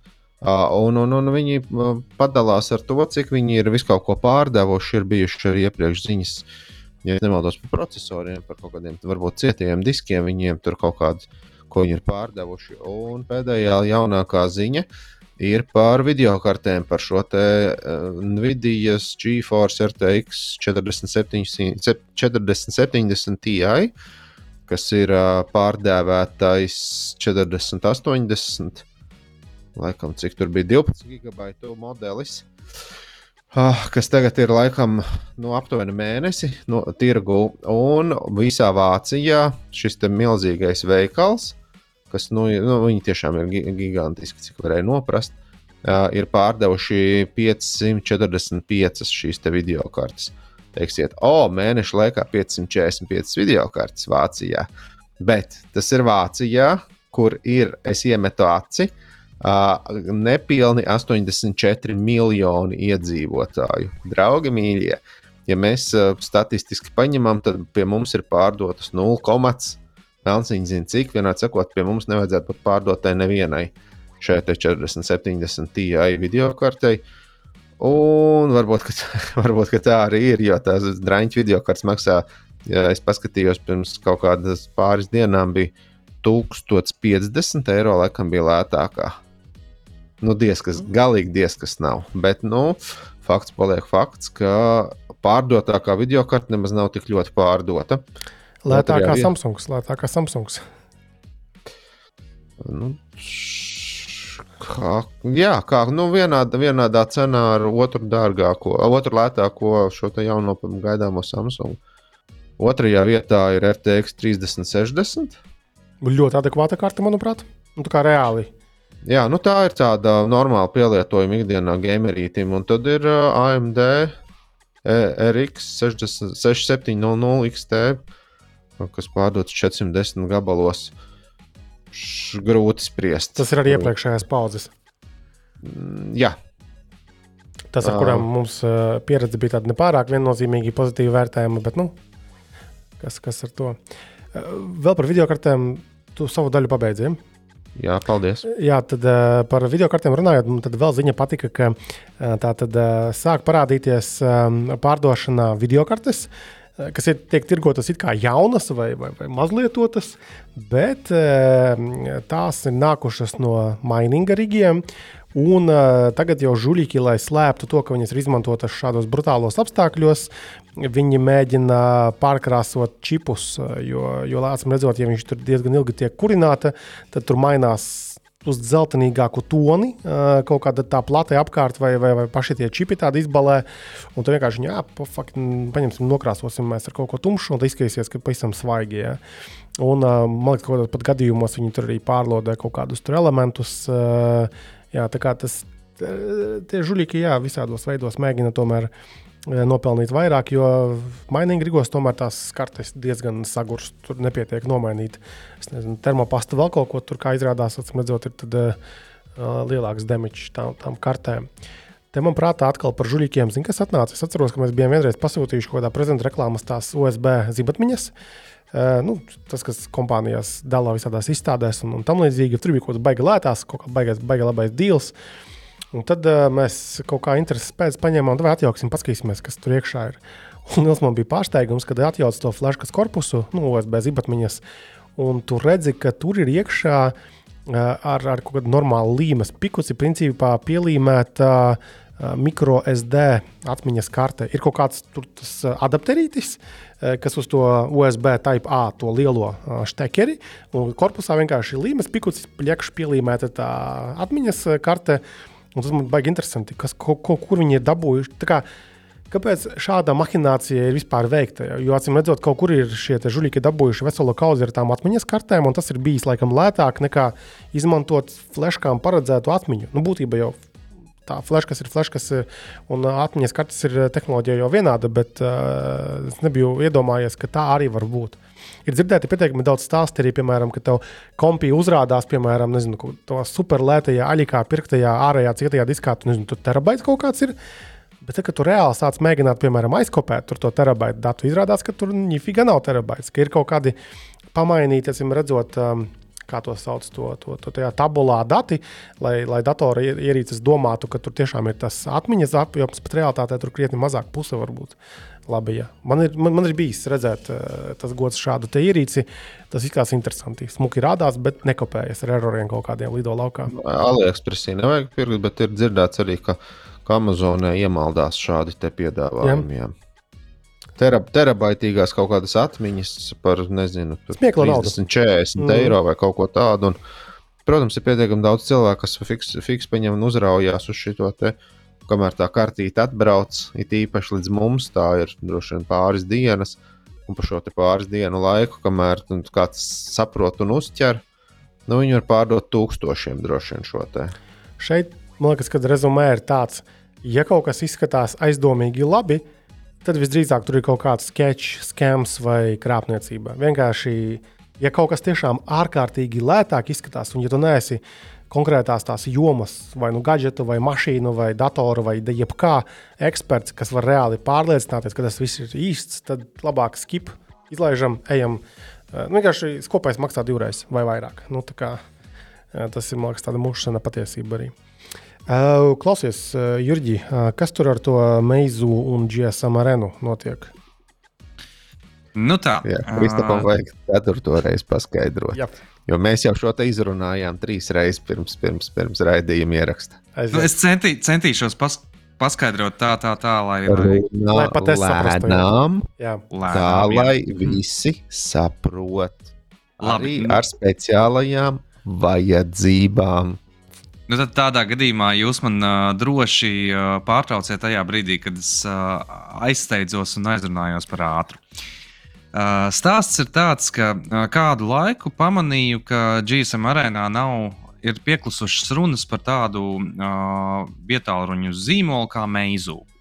Uh, uh, paskaidrošu jaunākiem klausītājiem, uh, kuri varētu arī ne, nezināt šādu uh, zīmolu. Agrāk bija tāds zīmols, kurš pat vairākus modeļus arī atveda pie mums uz Latviju. Un dīvainā kārtā viņi bija pat tīri kvalitatīvi. Jā, tur bija problēmas atkal ar, ar programmatūru, kur nevienmēr bija labi pārtulkota un, un, un, un nevienmēr viss, viss darbojās. Taču Meizu bija, protams, viens no tiem uzņēmumiem Ķīnā, kas vēlējās pierādīt, ka, ka viņi spēja konkurēt ar ābolu. Vai tik tālu var izsekot? Jā, turpinām. Paldies! ļoti labi. Uh, un uh, viņi gāja pat, pat tādā virzienā, ka, ka patiešām uh, pirmie viņu produkti, līdzīgi kā Apple, bija uh, MP3 playeri, uh, augstas klases, un tikai tad viņi izdomāja ķerties klāt telefoniem un tam līdzīgi. Bet stāsts uh, ne īsti par, par meizu vēsturi. Uh, pēdējā laikā viņi bija pieklusuši tā iemesla dēļ, ka īsti kaut kā viņiem nebija uh, labi gājis. Uh, Droši vien arī tādēļ, ka jau pāris gadus no Latvijas tirgus bija izgājuši un, un, un tam līdzīgi. Šeit es varu piezīmēt, šeit var piezīmēt ka meizu telefoni bija diezgan fifīgi un forši. Liekas, mums pat apskati bija dažām labām, bet viņiem pietr, pietrūka vienas uh, frekvences, uh, kas tādējādi padarīja viņus diezgan glukainus Latvijas apstākļos, ir īpaši ārpus pilsētām. Un tāpēc, laikam, nogāju uz grunti, bet turpini lūdzu, Jurģi. Bet es, starp citu, pēc, tieši pēc kursora apskata, vienreiz arī savai māsai nopirku meizu vietā runu. Viņš gan ātri atņirdzās, jā, jāsaka. Un, un kurš tā brīža māsa nerunā ar tevi vairāk? nē, nē, viņa runā, bet viņa kopš tā brīža pārgāja uz ābolu. Yes. Tā kā šo, šo, šo cilvēku mēs esam zaudējuši. Jā, tu nevis viņa ar tevi nerunā, tu ar viņu nerunā. Drīzāk šobrīd, jā. Bet atgriežoties pie, pie tā meizu, beidzot ieraudzīju, ka GSM arēnā ir parādījusies ziņa. Tātad no šī zīmola gribēju apstīties, kas tā par ziņu. Uzspiežu, GSM arēna aizved uz savu jauno lapu. Izrādās, ka GSM arēna ir izveidojusi tādu lapu ar nosaukumu Arēna EB. Tā ir tā pati komanda, kas veido GSM arēnu, jeb vietāluņu bibliotēku. Tikai šis jaunais portāls. Uh, mēdījis, nezinu, kā to precīzi nosaukt, uh, veidos uh, elektroautorāta bibliotēku. Un tādēļ bija interesanti, kādēļ, šā, nu, kādēļ tieši šajā portālā parādās ziņas par, par meizu. Jo izrādās, ka ķīniešu elektroautorāta ražotājs uh, Gīlī, uh, nezinu, vai precīzi izrunāju nosaukumu, bet uh, rakstās G-E-E-L-Y. Sauksim viņu par Gīlī. Uh, ka viņi ir iegādājušies meizu. Uh, Un te parādās interesantas lietas, jo, teiksim, protams, parādās tur uh, prototyps, kā kāds varētu būt tas jaunais telefoniņš, kurš uh, 2023. gada pavasarī arī tiks izlaists. Uh, Viņš tur atbildīs visām, visām jaunākajām uh, normām, un, protams, dizains ļoti līdzināsies Samsung Galaxy S23 sērijai. Taču tas, kas ir interesanti, ir, ir tas, kādu uh, programmatūras uh, nodrošinājumu viņi paredz, uh, lai patiešām šie vietāluņi ļoti labi saprastos ar, ar šīm mašīnām. Un būtībā tas gilī noliek tādā nu, ļoti interesantā pozīcijā. Jo uh, ir vietāluņu ražotāji, kuri grasās iet uh, autobūvju, tā teikt, uh, tirgū vēl. Un, uh, un savukārt ir, ir uh, autoražotāji, kuri ir izteikuši tāpat Tesla, ir izteikusi kaut kādas vēlmes arī uzražot uh, savu mega telefonu. Un tad, nu, šim ražotājam ir izdevies apvienot abas puses. Un, un paskatīsimies, ko tad būs iespējams, kā tad būs iespējams sarunāties vietā ar mašīnu, kā tu varēsi viņu ātri piestartēt, attālināt, kā tu varēsi viņai likt aizbraukt tev uz veikalu pēc aliņa vai, vai, vai vēl ko tu varēsi izdarīt ar viņu. Bet, zini, kas ir uh, sūds ar to meizu? Ne viņš baigi aktuāls mums tas zīmols, bet kas man patīk, ir tas arēna IV. Es tiešām nebiju pamanījis, ka GSM arēnā ir šāds projekts tagad izveidots. Un, ja teiksim, GSM arēna mums ir vecajiem perdeļiem ļoti iecienīts tieši informācijas avots, kur mēs redzam smuki kā, datus, speciāli par ierīcēm. Mēs zinām, ka tai pa lielam var uzticēties, un viņi vienmēr ir vienādā paskatā. Tev nav jāmeklē, kur tur displeja izmērs un, un tam līdzīgas lietas. Tagad viņi kaut ko līdzīgu arī ar tām mašīnām. Jo es iepriekš biju izmantojis arī mūsu teiksim, testiem, ir tāds EV domu zīmē database.org. Arī tāda mājaslapa, kurā bija visas šīs mašīnas, informācija par tām mašīnām. Un tagad es zināšu, ka mums būs arī kaut kas tamlīdzīgs arī jā, par, um, par, par, par mašīnām. Tā kā tā kā forši. Nu, galvenais, ka tu kaut ko saprati. Jā, nu, tas, ir, tas ir pozitīvi jāvērtējams notikums. Labi, mēs tuvojamies mūsu sakrālajai pusotrai stundai. Es domāju, ka sākam nopaļoties. Bija kaut kas vēl tāds, kas tur ar to OnePlus? Viņi izlaidīs planšetdatoru Jurģi vai, vai kas tur bija? Nu, tā tad 7. februārī tiks prezentēta globālā versija OnePlus 11. modelim. Un paralēli tam uh, tur būs arī austiņas, tur būs uh, tiek baumots arī par planšeti. Uh, bet interesantākais ir tas, ka OnePlus ir uh, nolēmis izlaist arī klaviatūru. Nu, tā teikt, uh, nevis, nevis kā, kā, kā varētu gaidīt kaut kādu telefonam piekabinām, bet uh, īstu, riktīgu klaviatūru, uh, veidot no alumīnija ar uh, ar uh, taustiņu atbalstu, vis, visu vajadzīgo un, protams, ikonisko OnePlus sarkano pogu klaviatūras uh, stūrītī. Uh mhm. -huh. kas, kas, protams, ir forši interesanti, bet nu, nedaudz mulsinoši. Tajā pašā laikā, bet nu, OnePlus pēdējā laikā patiešām mulsina savus lietotājus. Un, uh, man ļoti, ļoti patika Anča trāpīgais virsraksts OnePlusam uh, pēdējiem, ko, ko viņš testēja, OnePlus 10T Uh, liela jauda, bet zaudēta identitāte. Īsti nav saprotams, kurā virzienā šis ražotājs iet. Bet, nu, vienādi sakot, pie šādas tastatūras varēs tikt. Ok, labi, gaidīsim. Nu, ja kādam tas būs baigi aktuāli. Es zinu, ko vēl, vēl tādu ziņu interesantu, ka Canon uh, pēta, testē, izmēģina uh, haptic feedback, respektīvi vibromotoriņus. Uh, savā kamerās. Tur tā doma ir tāda, ka tu piespied to slēdža pogu, ka tur ir nevis kaut kāda klāts skaņa, jo mūsdienās tur nav vairāk tādas spoguļa, kurš tur grozās vēl tur, ko tur digitālajās kamerās, un tur reāli tikai ar skaņu palielam var nu, panākt efektu, kad ir putniņš izlidojis no objektīva. Uh, Tad tagad viņi mēģinās ar šo haptic feedback, ka piespiedu viņš novibrē, un tad saproti, kāda ir tā darbība. Tas ir tas, ir tas pats stāsts, ko mēs tagad runājām liekas, nesen par, par tiem potenciāli iPhone 15, kuros nebūs fiziskas pogas, bet būs virsmas pogām. Kurām pieskaroties vibrēs telefons, tā ka tev liekas, ka kaut kas ir piespiests tā, kā tas jau gadu gadiem ir datoros, MacBookos, Točna. Uh, Iespējams, kādā Windows kompī arī patiesībā, kad vairāk nav fiziski spiedams, spiežams kāriem paliknis, bet uh, novibrē un diezgan forši to sajūtu rada, ka tu kā esi piespiedis kaut ko. Jā, bet ir jāņem vērā, ka fotografijā jau tā vibrēšana nu, nav diezko vēlama. Ir jau visādi mēnesis un, un, un zvaigžņu fotogrāfi un putnu fotogrāfi un vispār nakts fotografētāji. Bet tie vai tu nenoliek uz statīva un neuzliek automātiski to slēdzi? Jā, bet nu, tāpat tās, nu, ja tev tur kaut kas kratās, nu, tas ir vēl viens. Lai arī nu, kā, kāds tas nebūtu, tas tomēr ir vēl viens kaut kāds kustīgs motoriņš. Un, un, un, tur ir kaut kā baigi jāsa, jāsa, jāsabalansē, lai, lai tas uh, efekts, ka tev šķiet, ka tu nospied rīktīgu slēdzu pogu un tev, nezinu, tur novirinās tie aizkariņi vai nolēkā nolēkātas uh, spogulis. Nu, lai tas ne, nenomāktu kaut kādus citas vajadzības pēc stabila kadra. Nu, grūti pateikt. Šobrīd mm. jau viņi ir tikai paskatījušies. Un, un, un, un, un viņi nopatentējuši kaut ko tur. Ir, jā, jā pieteikuši savu patentu, bet nu, kā tas būs beigās, grūti pateikt. Grūti bet es domāju, piemēram, tāda iPhone gadījumā, nu labi, viņi uztaisīs uh, pogas ar uh, vibrācijas atgrieznisko saiti.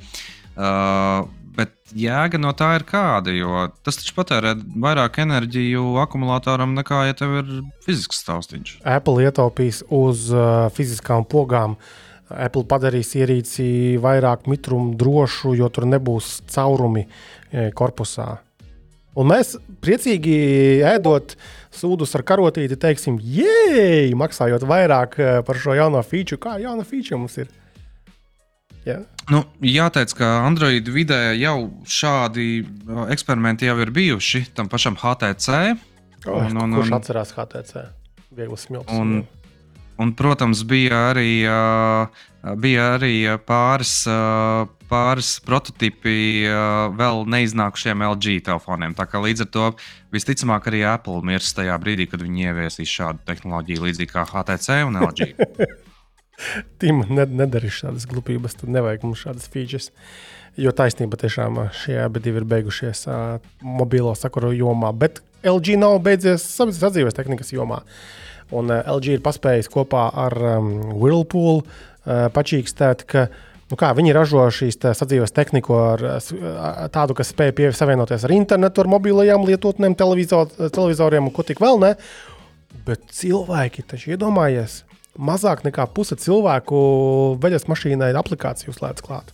A, tev, ir, tev ir pašam kāda ierīce? Avot, jā, ir, es, nu... es tagad izlasīju to ziņu. Es atcerējos, tā, pagaidi, kura tehnika man bija. Ah, blēņas, man ir veļas mašīna, tā LG ThinkU tehnoloģiju vai, vai aplikāciju, kuru var savienoties savā starpā. Es pilnīgi aizgāju un, un savienojos, un es paskatījos, ka, ujā, es redzu informāciju par viņa Tātad, kurā mēnesī es cik reizes, nu, nezinu, bet sieva mazgāja šo drēbes. Jā. Es redzu kaut kādu diagnostikas tūli. Tas diagnostikas tūlis bija patiesībā diezgan interesants. Tur ir tā, ka tātad aplikācijas pusē tu palaidi kaut kādu diagnostikas režīmu, tad tev ir uh, jāpieslēdz um, uh, temperatūras tā, sensoru zonā jāpatur pirksts tur kaut kādu laiku, tad viņa sāk tur laika atskaiti un tad ieslēdzas tas diagnostikas režīms. Tad tev telefonu jāpieliek noteiktā vietā, tajā veļas mašīnai, un viņa tur sāk ar, ar, ar pīkstienu. Tur pīkstienos ir iekodēta kaut kāda informācija, ja pola gudra vai, vai nav. Nu, tāda tehnoloģija. Un man liekas, ka varēja vēl arī, tā kā man ir LG televizors arī mājā, aleluja, lai visi svēties stāv klāt. Tātad viņi māca arī savienoties savā starpā. Attiecīgi, es televizorā varu redzēt paziņojumu, ka, teiksim, hei, pietiek spēlēt Fortnite uz dibeniem, skatīties, ej, kara veļu laukā, ja, piemēram. Ot, jā. Un tad tas ir tāds labs jautājums. Nu, skaidrs, ka tā paziņojums par to, ka veļa izmazgāta, nu, jā, interesanti, bet, nu, baigi noderīgi. Nezinu, varbūt lielā mājā, kad tu nezini, nu, nedzirdi, ka tev beidz mazgāties dzīvoklis, tā nav problēma. Uh, bet um, diagnostikas kaut kādiem rīkiem, ot, kad nezinu, veļas mašīnām, piemēram, liekas, ka viņiem kaut kāds filtrs uz beigām iet, vai, nu, vai kaut kas darbojas ne tā, kā vajag, tas varētu būt diezgan forši. Uh, kad nevis rāda veļas mašīnas mazajā displejā kaut kādu kriptisku kodu erroru, ja, bet uh, normāli izskaidrot, aizved varbūt uz kaut kādu veikalu, kur jau nopirkt to detaļu vai pasūtīt meistaru. Tur es redzu jēgu šajā visā stāstā. Bet tā vairāk īsti es nezinu, ja godīgi. Pašiem jums nav tādas tehnikas? Ko gaisa kondicionieris tikai. Ar ķīniešu aplikāciju, ja? Uh, nē, diezgan liels amerikāņu ražotājs. Un... Tā nebija kaut kāda. Ne. Tā nebija gluži kaut kāda tur tā aplikācija arī. Man bija gluži, ka man parādīja, bet es domāju, ka tas bija Xiaomi gluži, ka viņš neprata iedot pareizo atrašanās vietu. Bet tas man neko neietekmēja. Ah, jo ķīnieši bet, nebija bet, vienkārši visās vietās novietojušies.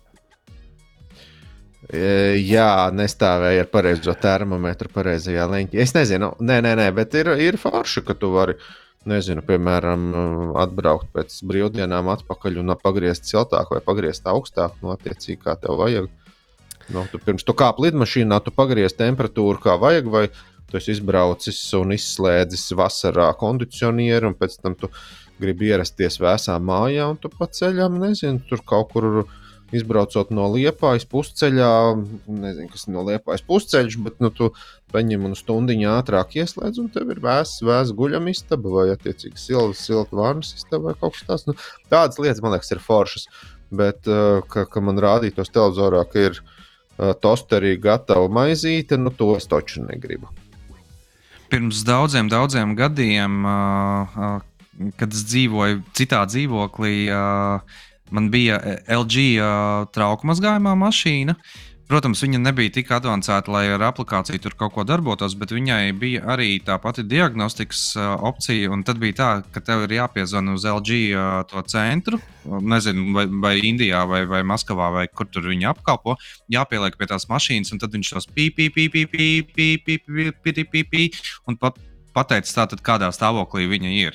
Ej, tu no dzīves pagaidi, bet tur ir automātika, kas to pasaka, vai, vai cilvēki jau ir iemācīti saklausīt, eh, ko tie pīkstieni saka? To, to, to, to es nezinu, vai, vai, vai, vai, vai man tur eh, tajā galā būtu bijis, nezinu, indietis ar kaut kādu veidisko astroloģiju, kurš būtu mēģinājis tikt galā, vai, vai, vai tas notiktu caur kaut kādu sistēmu. Man nav ne jausmas, bet, eh, bet tas, tas, tas princips man liekas super asprātīgs. Nu, mm. Jā, jā, jā.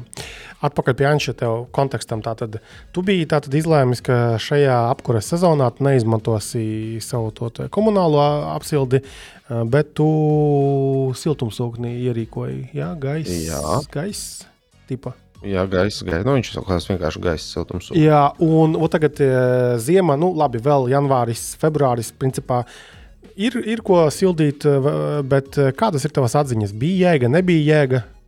Uh, protams, jēga ir tajā mirklī, ka kāds tev ir elektrības tarifs. Jo, jo, jo pa lielam tev tiešām interesē, mēs to aprunāsim šeit. Jā, aiziet. Tehniski ļoti vienkārši.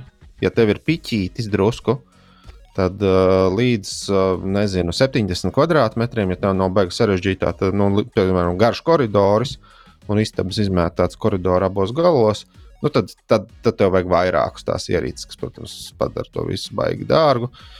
Bet man viss tās diezgan tīri kompakts ir, un, un, un tos 65 kvadrātmetrus es arī kurināju ar siltumsūkni. Arī tā kā bija mīnus 17 ārā. Jā.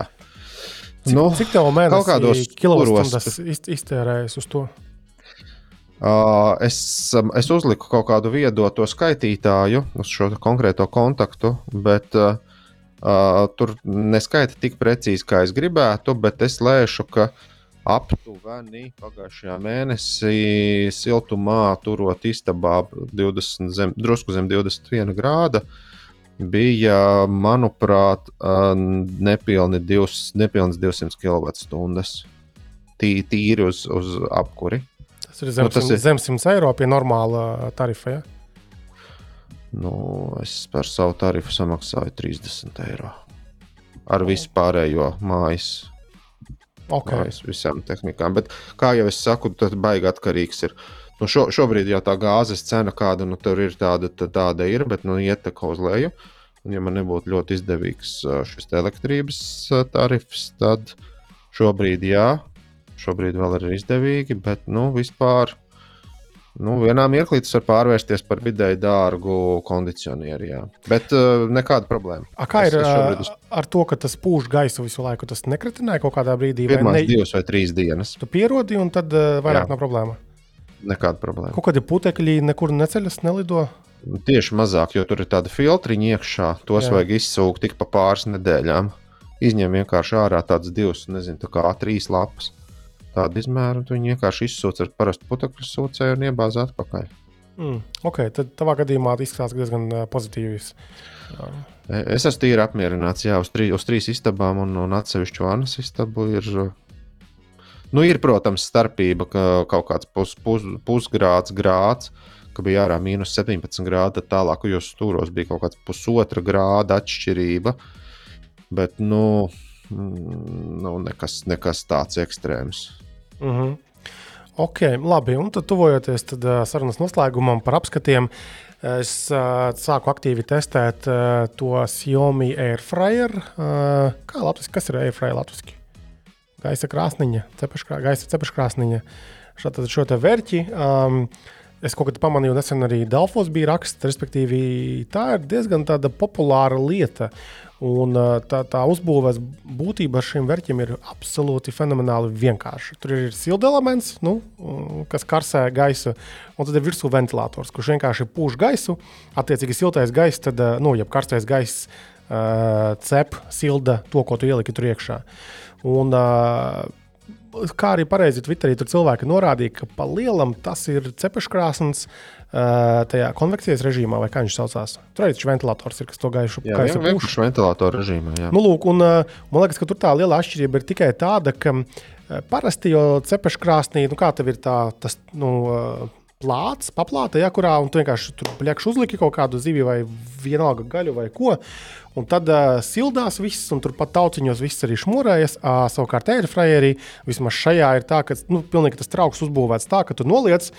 Un tā eļļa tur notiek lejā, un viņa, tas, tas ēdiens ne, ne, necepas tajā, tajā eļļā. Un tad rezultātā tev sanāk diezgan savs ēdiens. Mut reāli mēs pamēģinājām tur vistiņas, mēs pamēģinājām tur e, lasīt, kā Twitterī norādīja, ka pilnīgi nepareizi. E, kaut kādas saldētās, jā, friškas, protams, saldētās tās mīklas, nu, tās kanēļa maizītes, viss uzcepas, viss normāli, bet ir, ir sausa lieta, tas viss pasākums. Bet atšķirībā no cepeškrāsnes, cepeškrāsnī vismaz man ir nu, tev jāpagaida minūtes, nezinu, vismaz 5, 7, kamēr viņi uzsilst līdz darba temperatūrai, tiem 200 grādiem kaut kādiem, nu, vai 190 vai 180, nav svarīgi. Bet savukārt šajā vērtī tu iebāzi iekšā, viņš uzsilst nu, super ātri. Piemēram, tādas mazas vistas kaut kādas kājiņas. Uh, Uzšmorēt to vispār viss tas process, ko no ielikšanas brīža ir kaut kādas nu, 15 minūtes. Tāpēc tas airfryers ir kā cepeškrāsnes, bet ir kaut kādi mazi aspektiņi, kas ir manuprāt, veiksmīgāki. Bet es gribētu vēl vienu šādu ierīci, kas kopē funkcijas man esošajai ierīcei, maisaimniecībā, es īsti nezinu. Pēc tam tas. Bet... Nu. Bet kā, kāda viņai ir nu, pievienotā vērtība? Jo es atceros, ka pirms centiem gadiem Topšopā šitādus jau uh, reklamēja ik pa brīdim. Nu, šajā gadījumā viņu ar aplikāciju var lietot vai, vai kā? Arī jā, tur ir recepšu vesels bars. Uh, tur, jā, tur pat parādīts ar bildītēm, kā tur sagriezt kartupeļus un kā viņus var, var, var, var, var taisīt. Un tad tu vari paziņ, saņemt paziņojumu, ka tev viss ir gatavs, bet nu, tu paskaties uz istabas otru pusi un tu redzi, ka ir gatavs. Um, nu, tikpat, tā kā tas, kā jau minēju, tā ir super vienkārša ierīce. Nu, tur nav nekā. Maksā viņa Xiaomi gadījumā kaut kas ap sotaku vai pat drusku vairāk. Un Nācis, kā jau čatā iepriekš bija norādījis, ka normāli ģimene nepabaros ar to 3,5 litru nu, trauku, ka tur vajag lielāku, un Philipsam un citiem ražotājiem ir arī lielākiem traukiem kaut kādiem. Bet tā bija interesanta ierīce. Es vienkārši tagad beidzot sapratu, kāpēc ir, ir cilvēki, kas riktīgi fano uh, par šāda tipa ierīcēm, vismaz teorētiski, kamēr paši vēl nav tikuši līdz viņām. Apskats drīzumā kursorā. Nu jā, tur vienkārši tur vajag nu, specifisku vairāk vai mazāk specifisku ēdienu, yep. izvēlēties, kas tur arī tiešām ātri, efektīvi. Uh, nu, varbūt nesauksim to par veselīgi, jo šie ēdieni, kas tur parasti iet iekšā, nebūs tie paši veselīgākie. Uh, bet, nu, tev, nu, tas drusku, drusku ierobežots. Jā, mēs jau arī ar Kristapu čatiņu apspriedāmies, ka lasis drusku izskatās pēc kaut kā, kas ir iznācis ārā no Eģiptes piramīdas, izzakts. Gar, garšoja normāli. Es saprotu, ka tas nav pareizi pagatavots ēdiens, bet garšoja normāli. Nu, kādas, kuram ir prasības? Ne? Bet, jā. uh, nu, jā, nu, vienādi sakot, tev tie saldētie pīrādziņi un no frīka kartupeļa, tad ir tas pamats un, un viss kājas. Nu, tāds amerikāņu sapnis drusku. Yep. Daļa no amerikāņu sapņa ātri. Nu, it kā tā kā būtu veselīgi, jo tā kā mazāk speķī tur čurkstinās. Bet beigās pats tas baltās, baltais miltu produkts vai, vai, vai, vai kaut kāda saldētā friška vai kaut kas tāds, nu, tas pats nav ultra veselīgi. Uh mhm. -huh. Bet tā, tā, tā nu mēs dzīvojam. Bet es teiktu, ka man arī, uh, ja tu saki, ka tiešām kaut kādas vistiņas vai kaut kas tāds ir tiešām 15, 20 minūšu jautājums, tad jā, tad tas izklausās, tas izklausās, lūk, šī, te, šajā mirklī tas izklausās vilinoši. Jā. Jā. Nu, tad uz šīs vilinošās nots, es domāju, sūtām viens otram bučas, Ansim vairāk, jo viņam ir šodien vārda diena. Sakām paldies, ka klausījāties arī šo pēc skaita 21. ko kursors vēl neraksta podkāstu epizodi, ko visas var noklausīties Spotify, YouTube, kursors LV galu galā un neaizmirstam iečakot arī mūsu Discord serveri, padiskutēt, pacepties par kaut kādām tehnoloģiskām tēmām. Jā, paldies, Jurģi, paldies, Ansi, ka bijāt. Atā, atā, atā.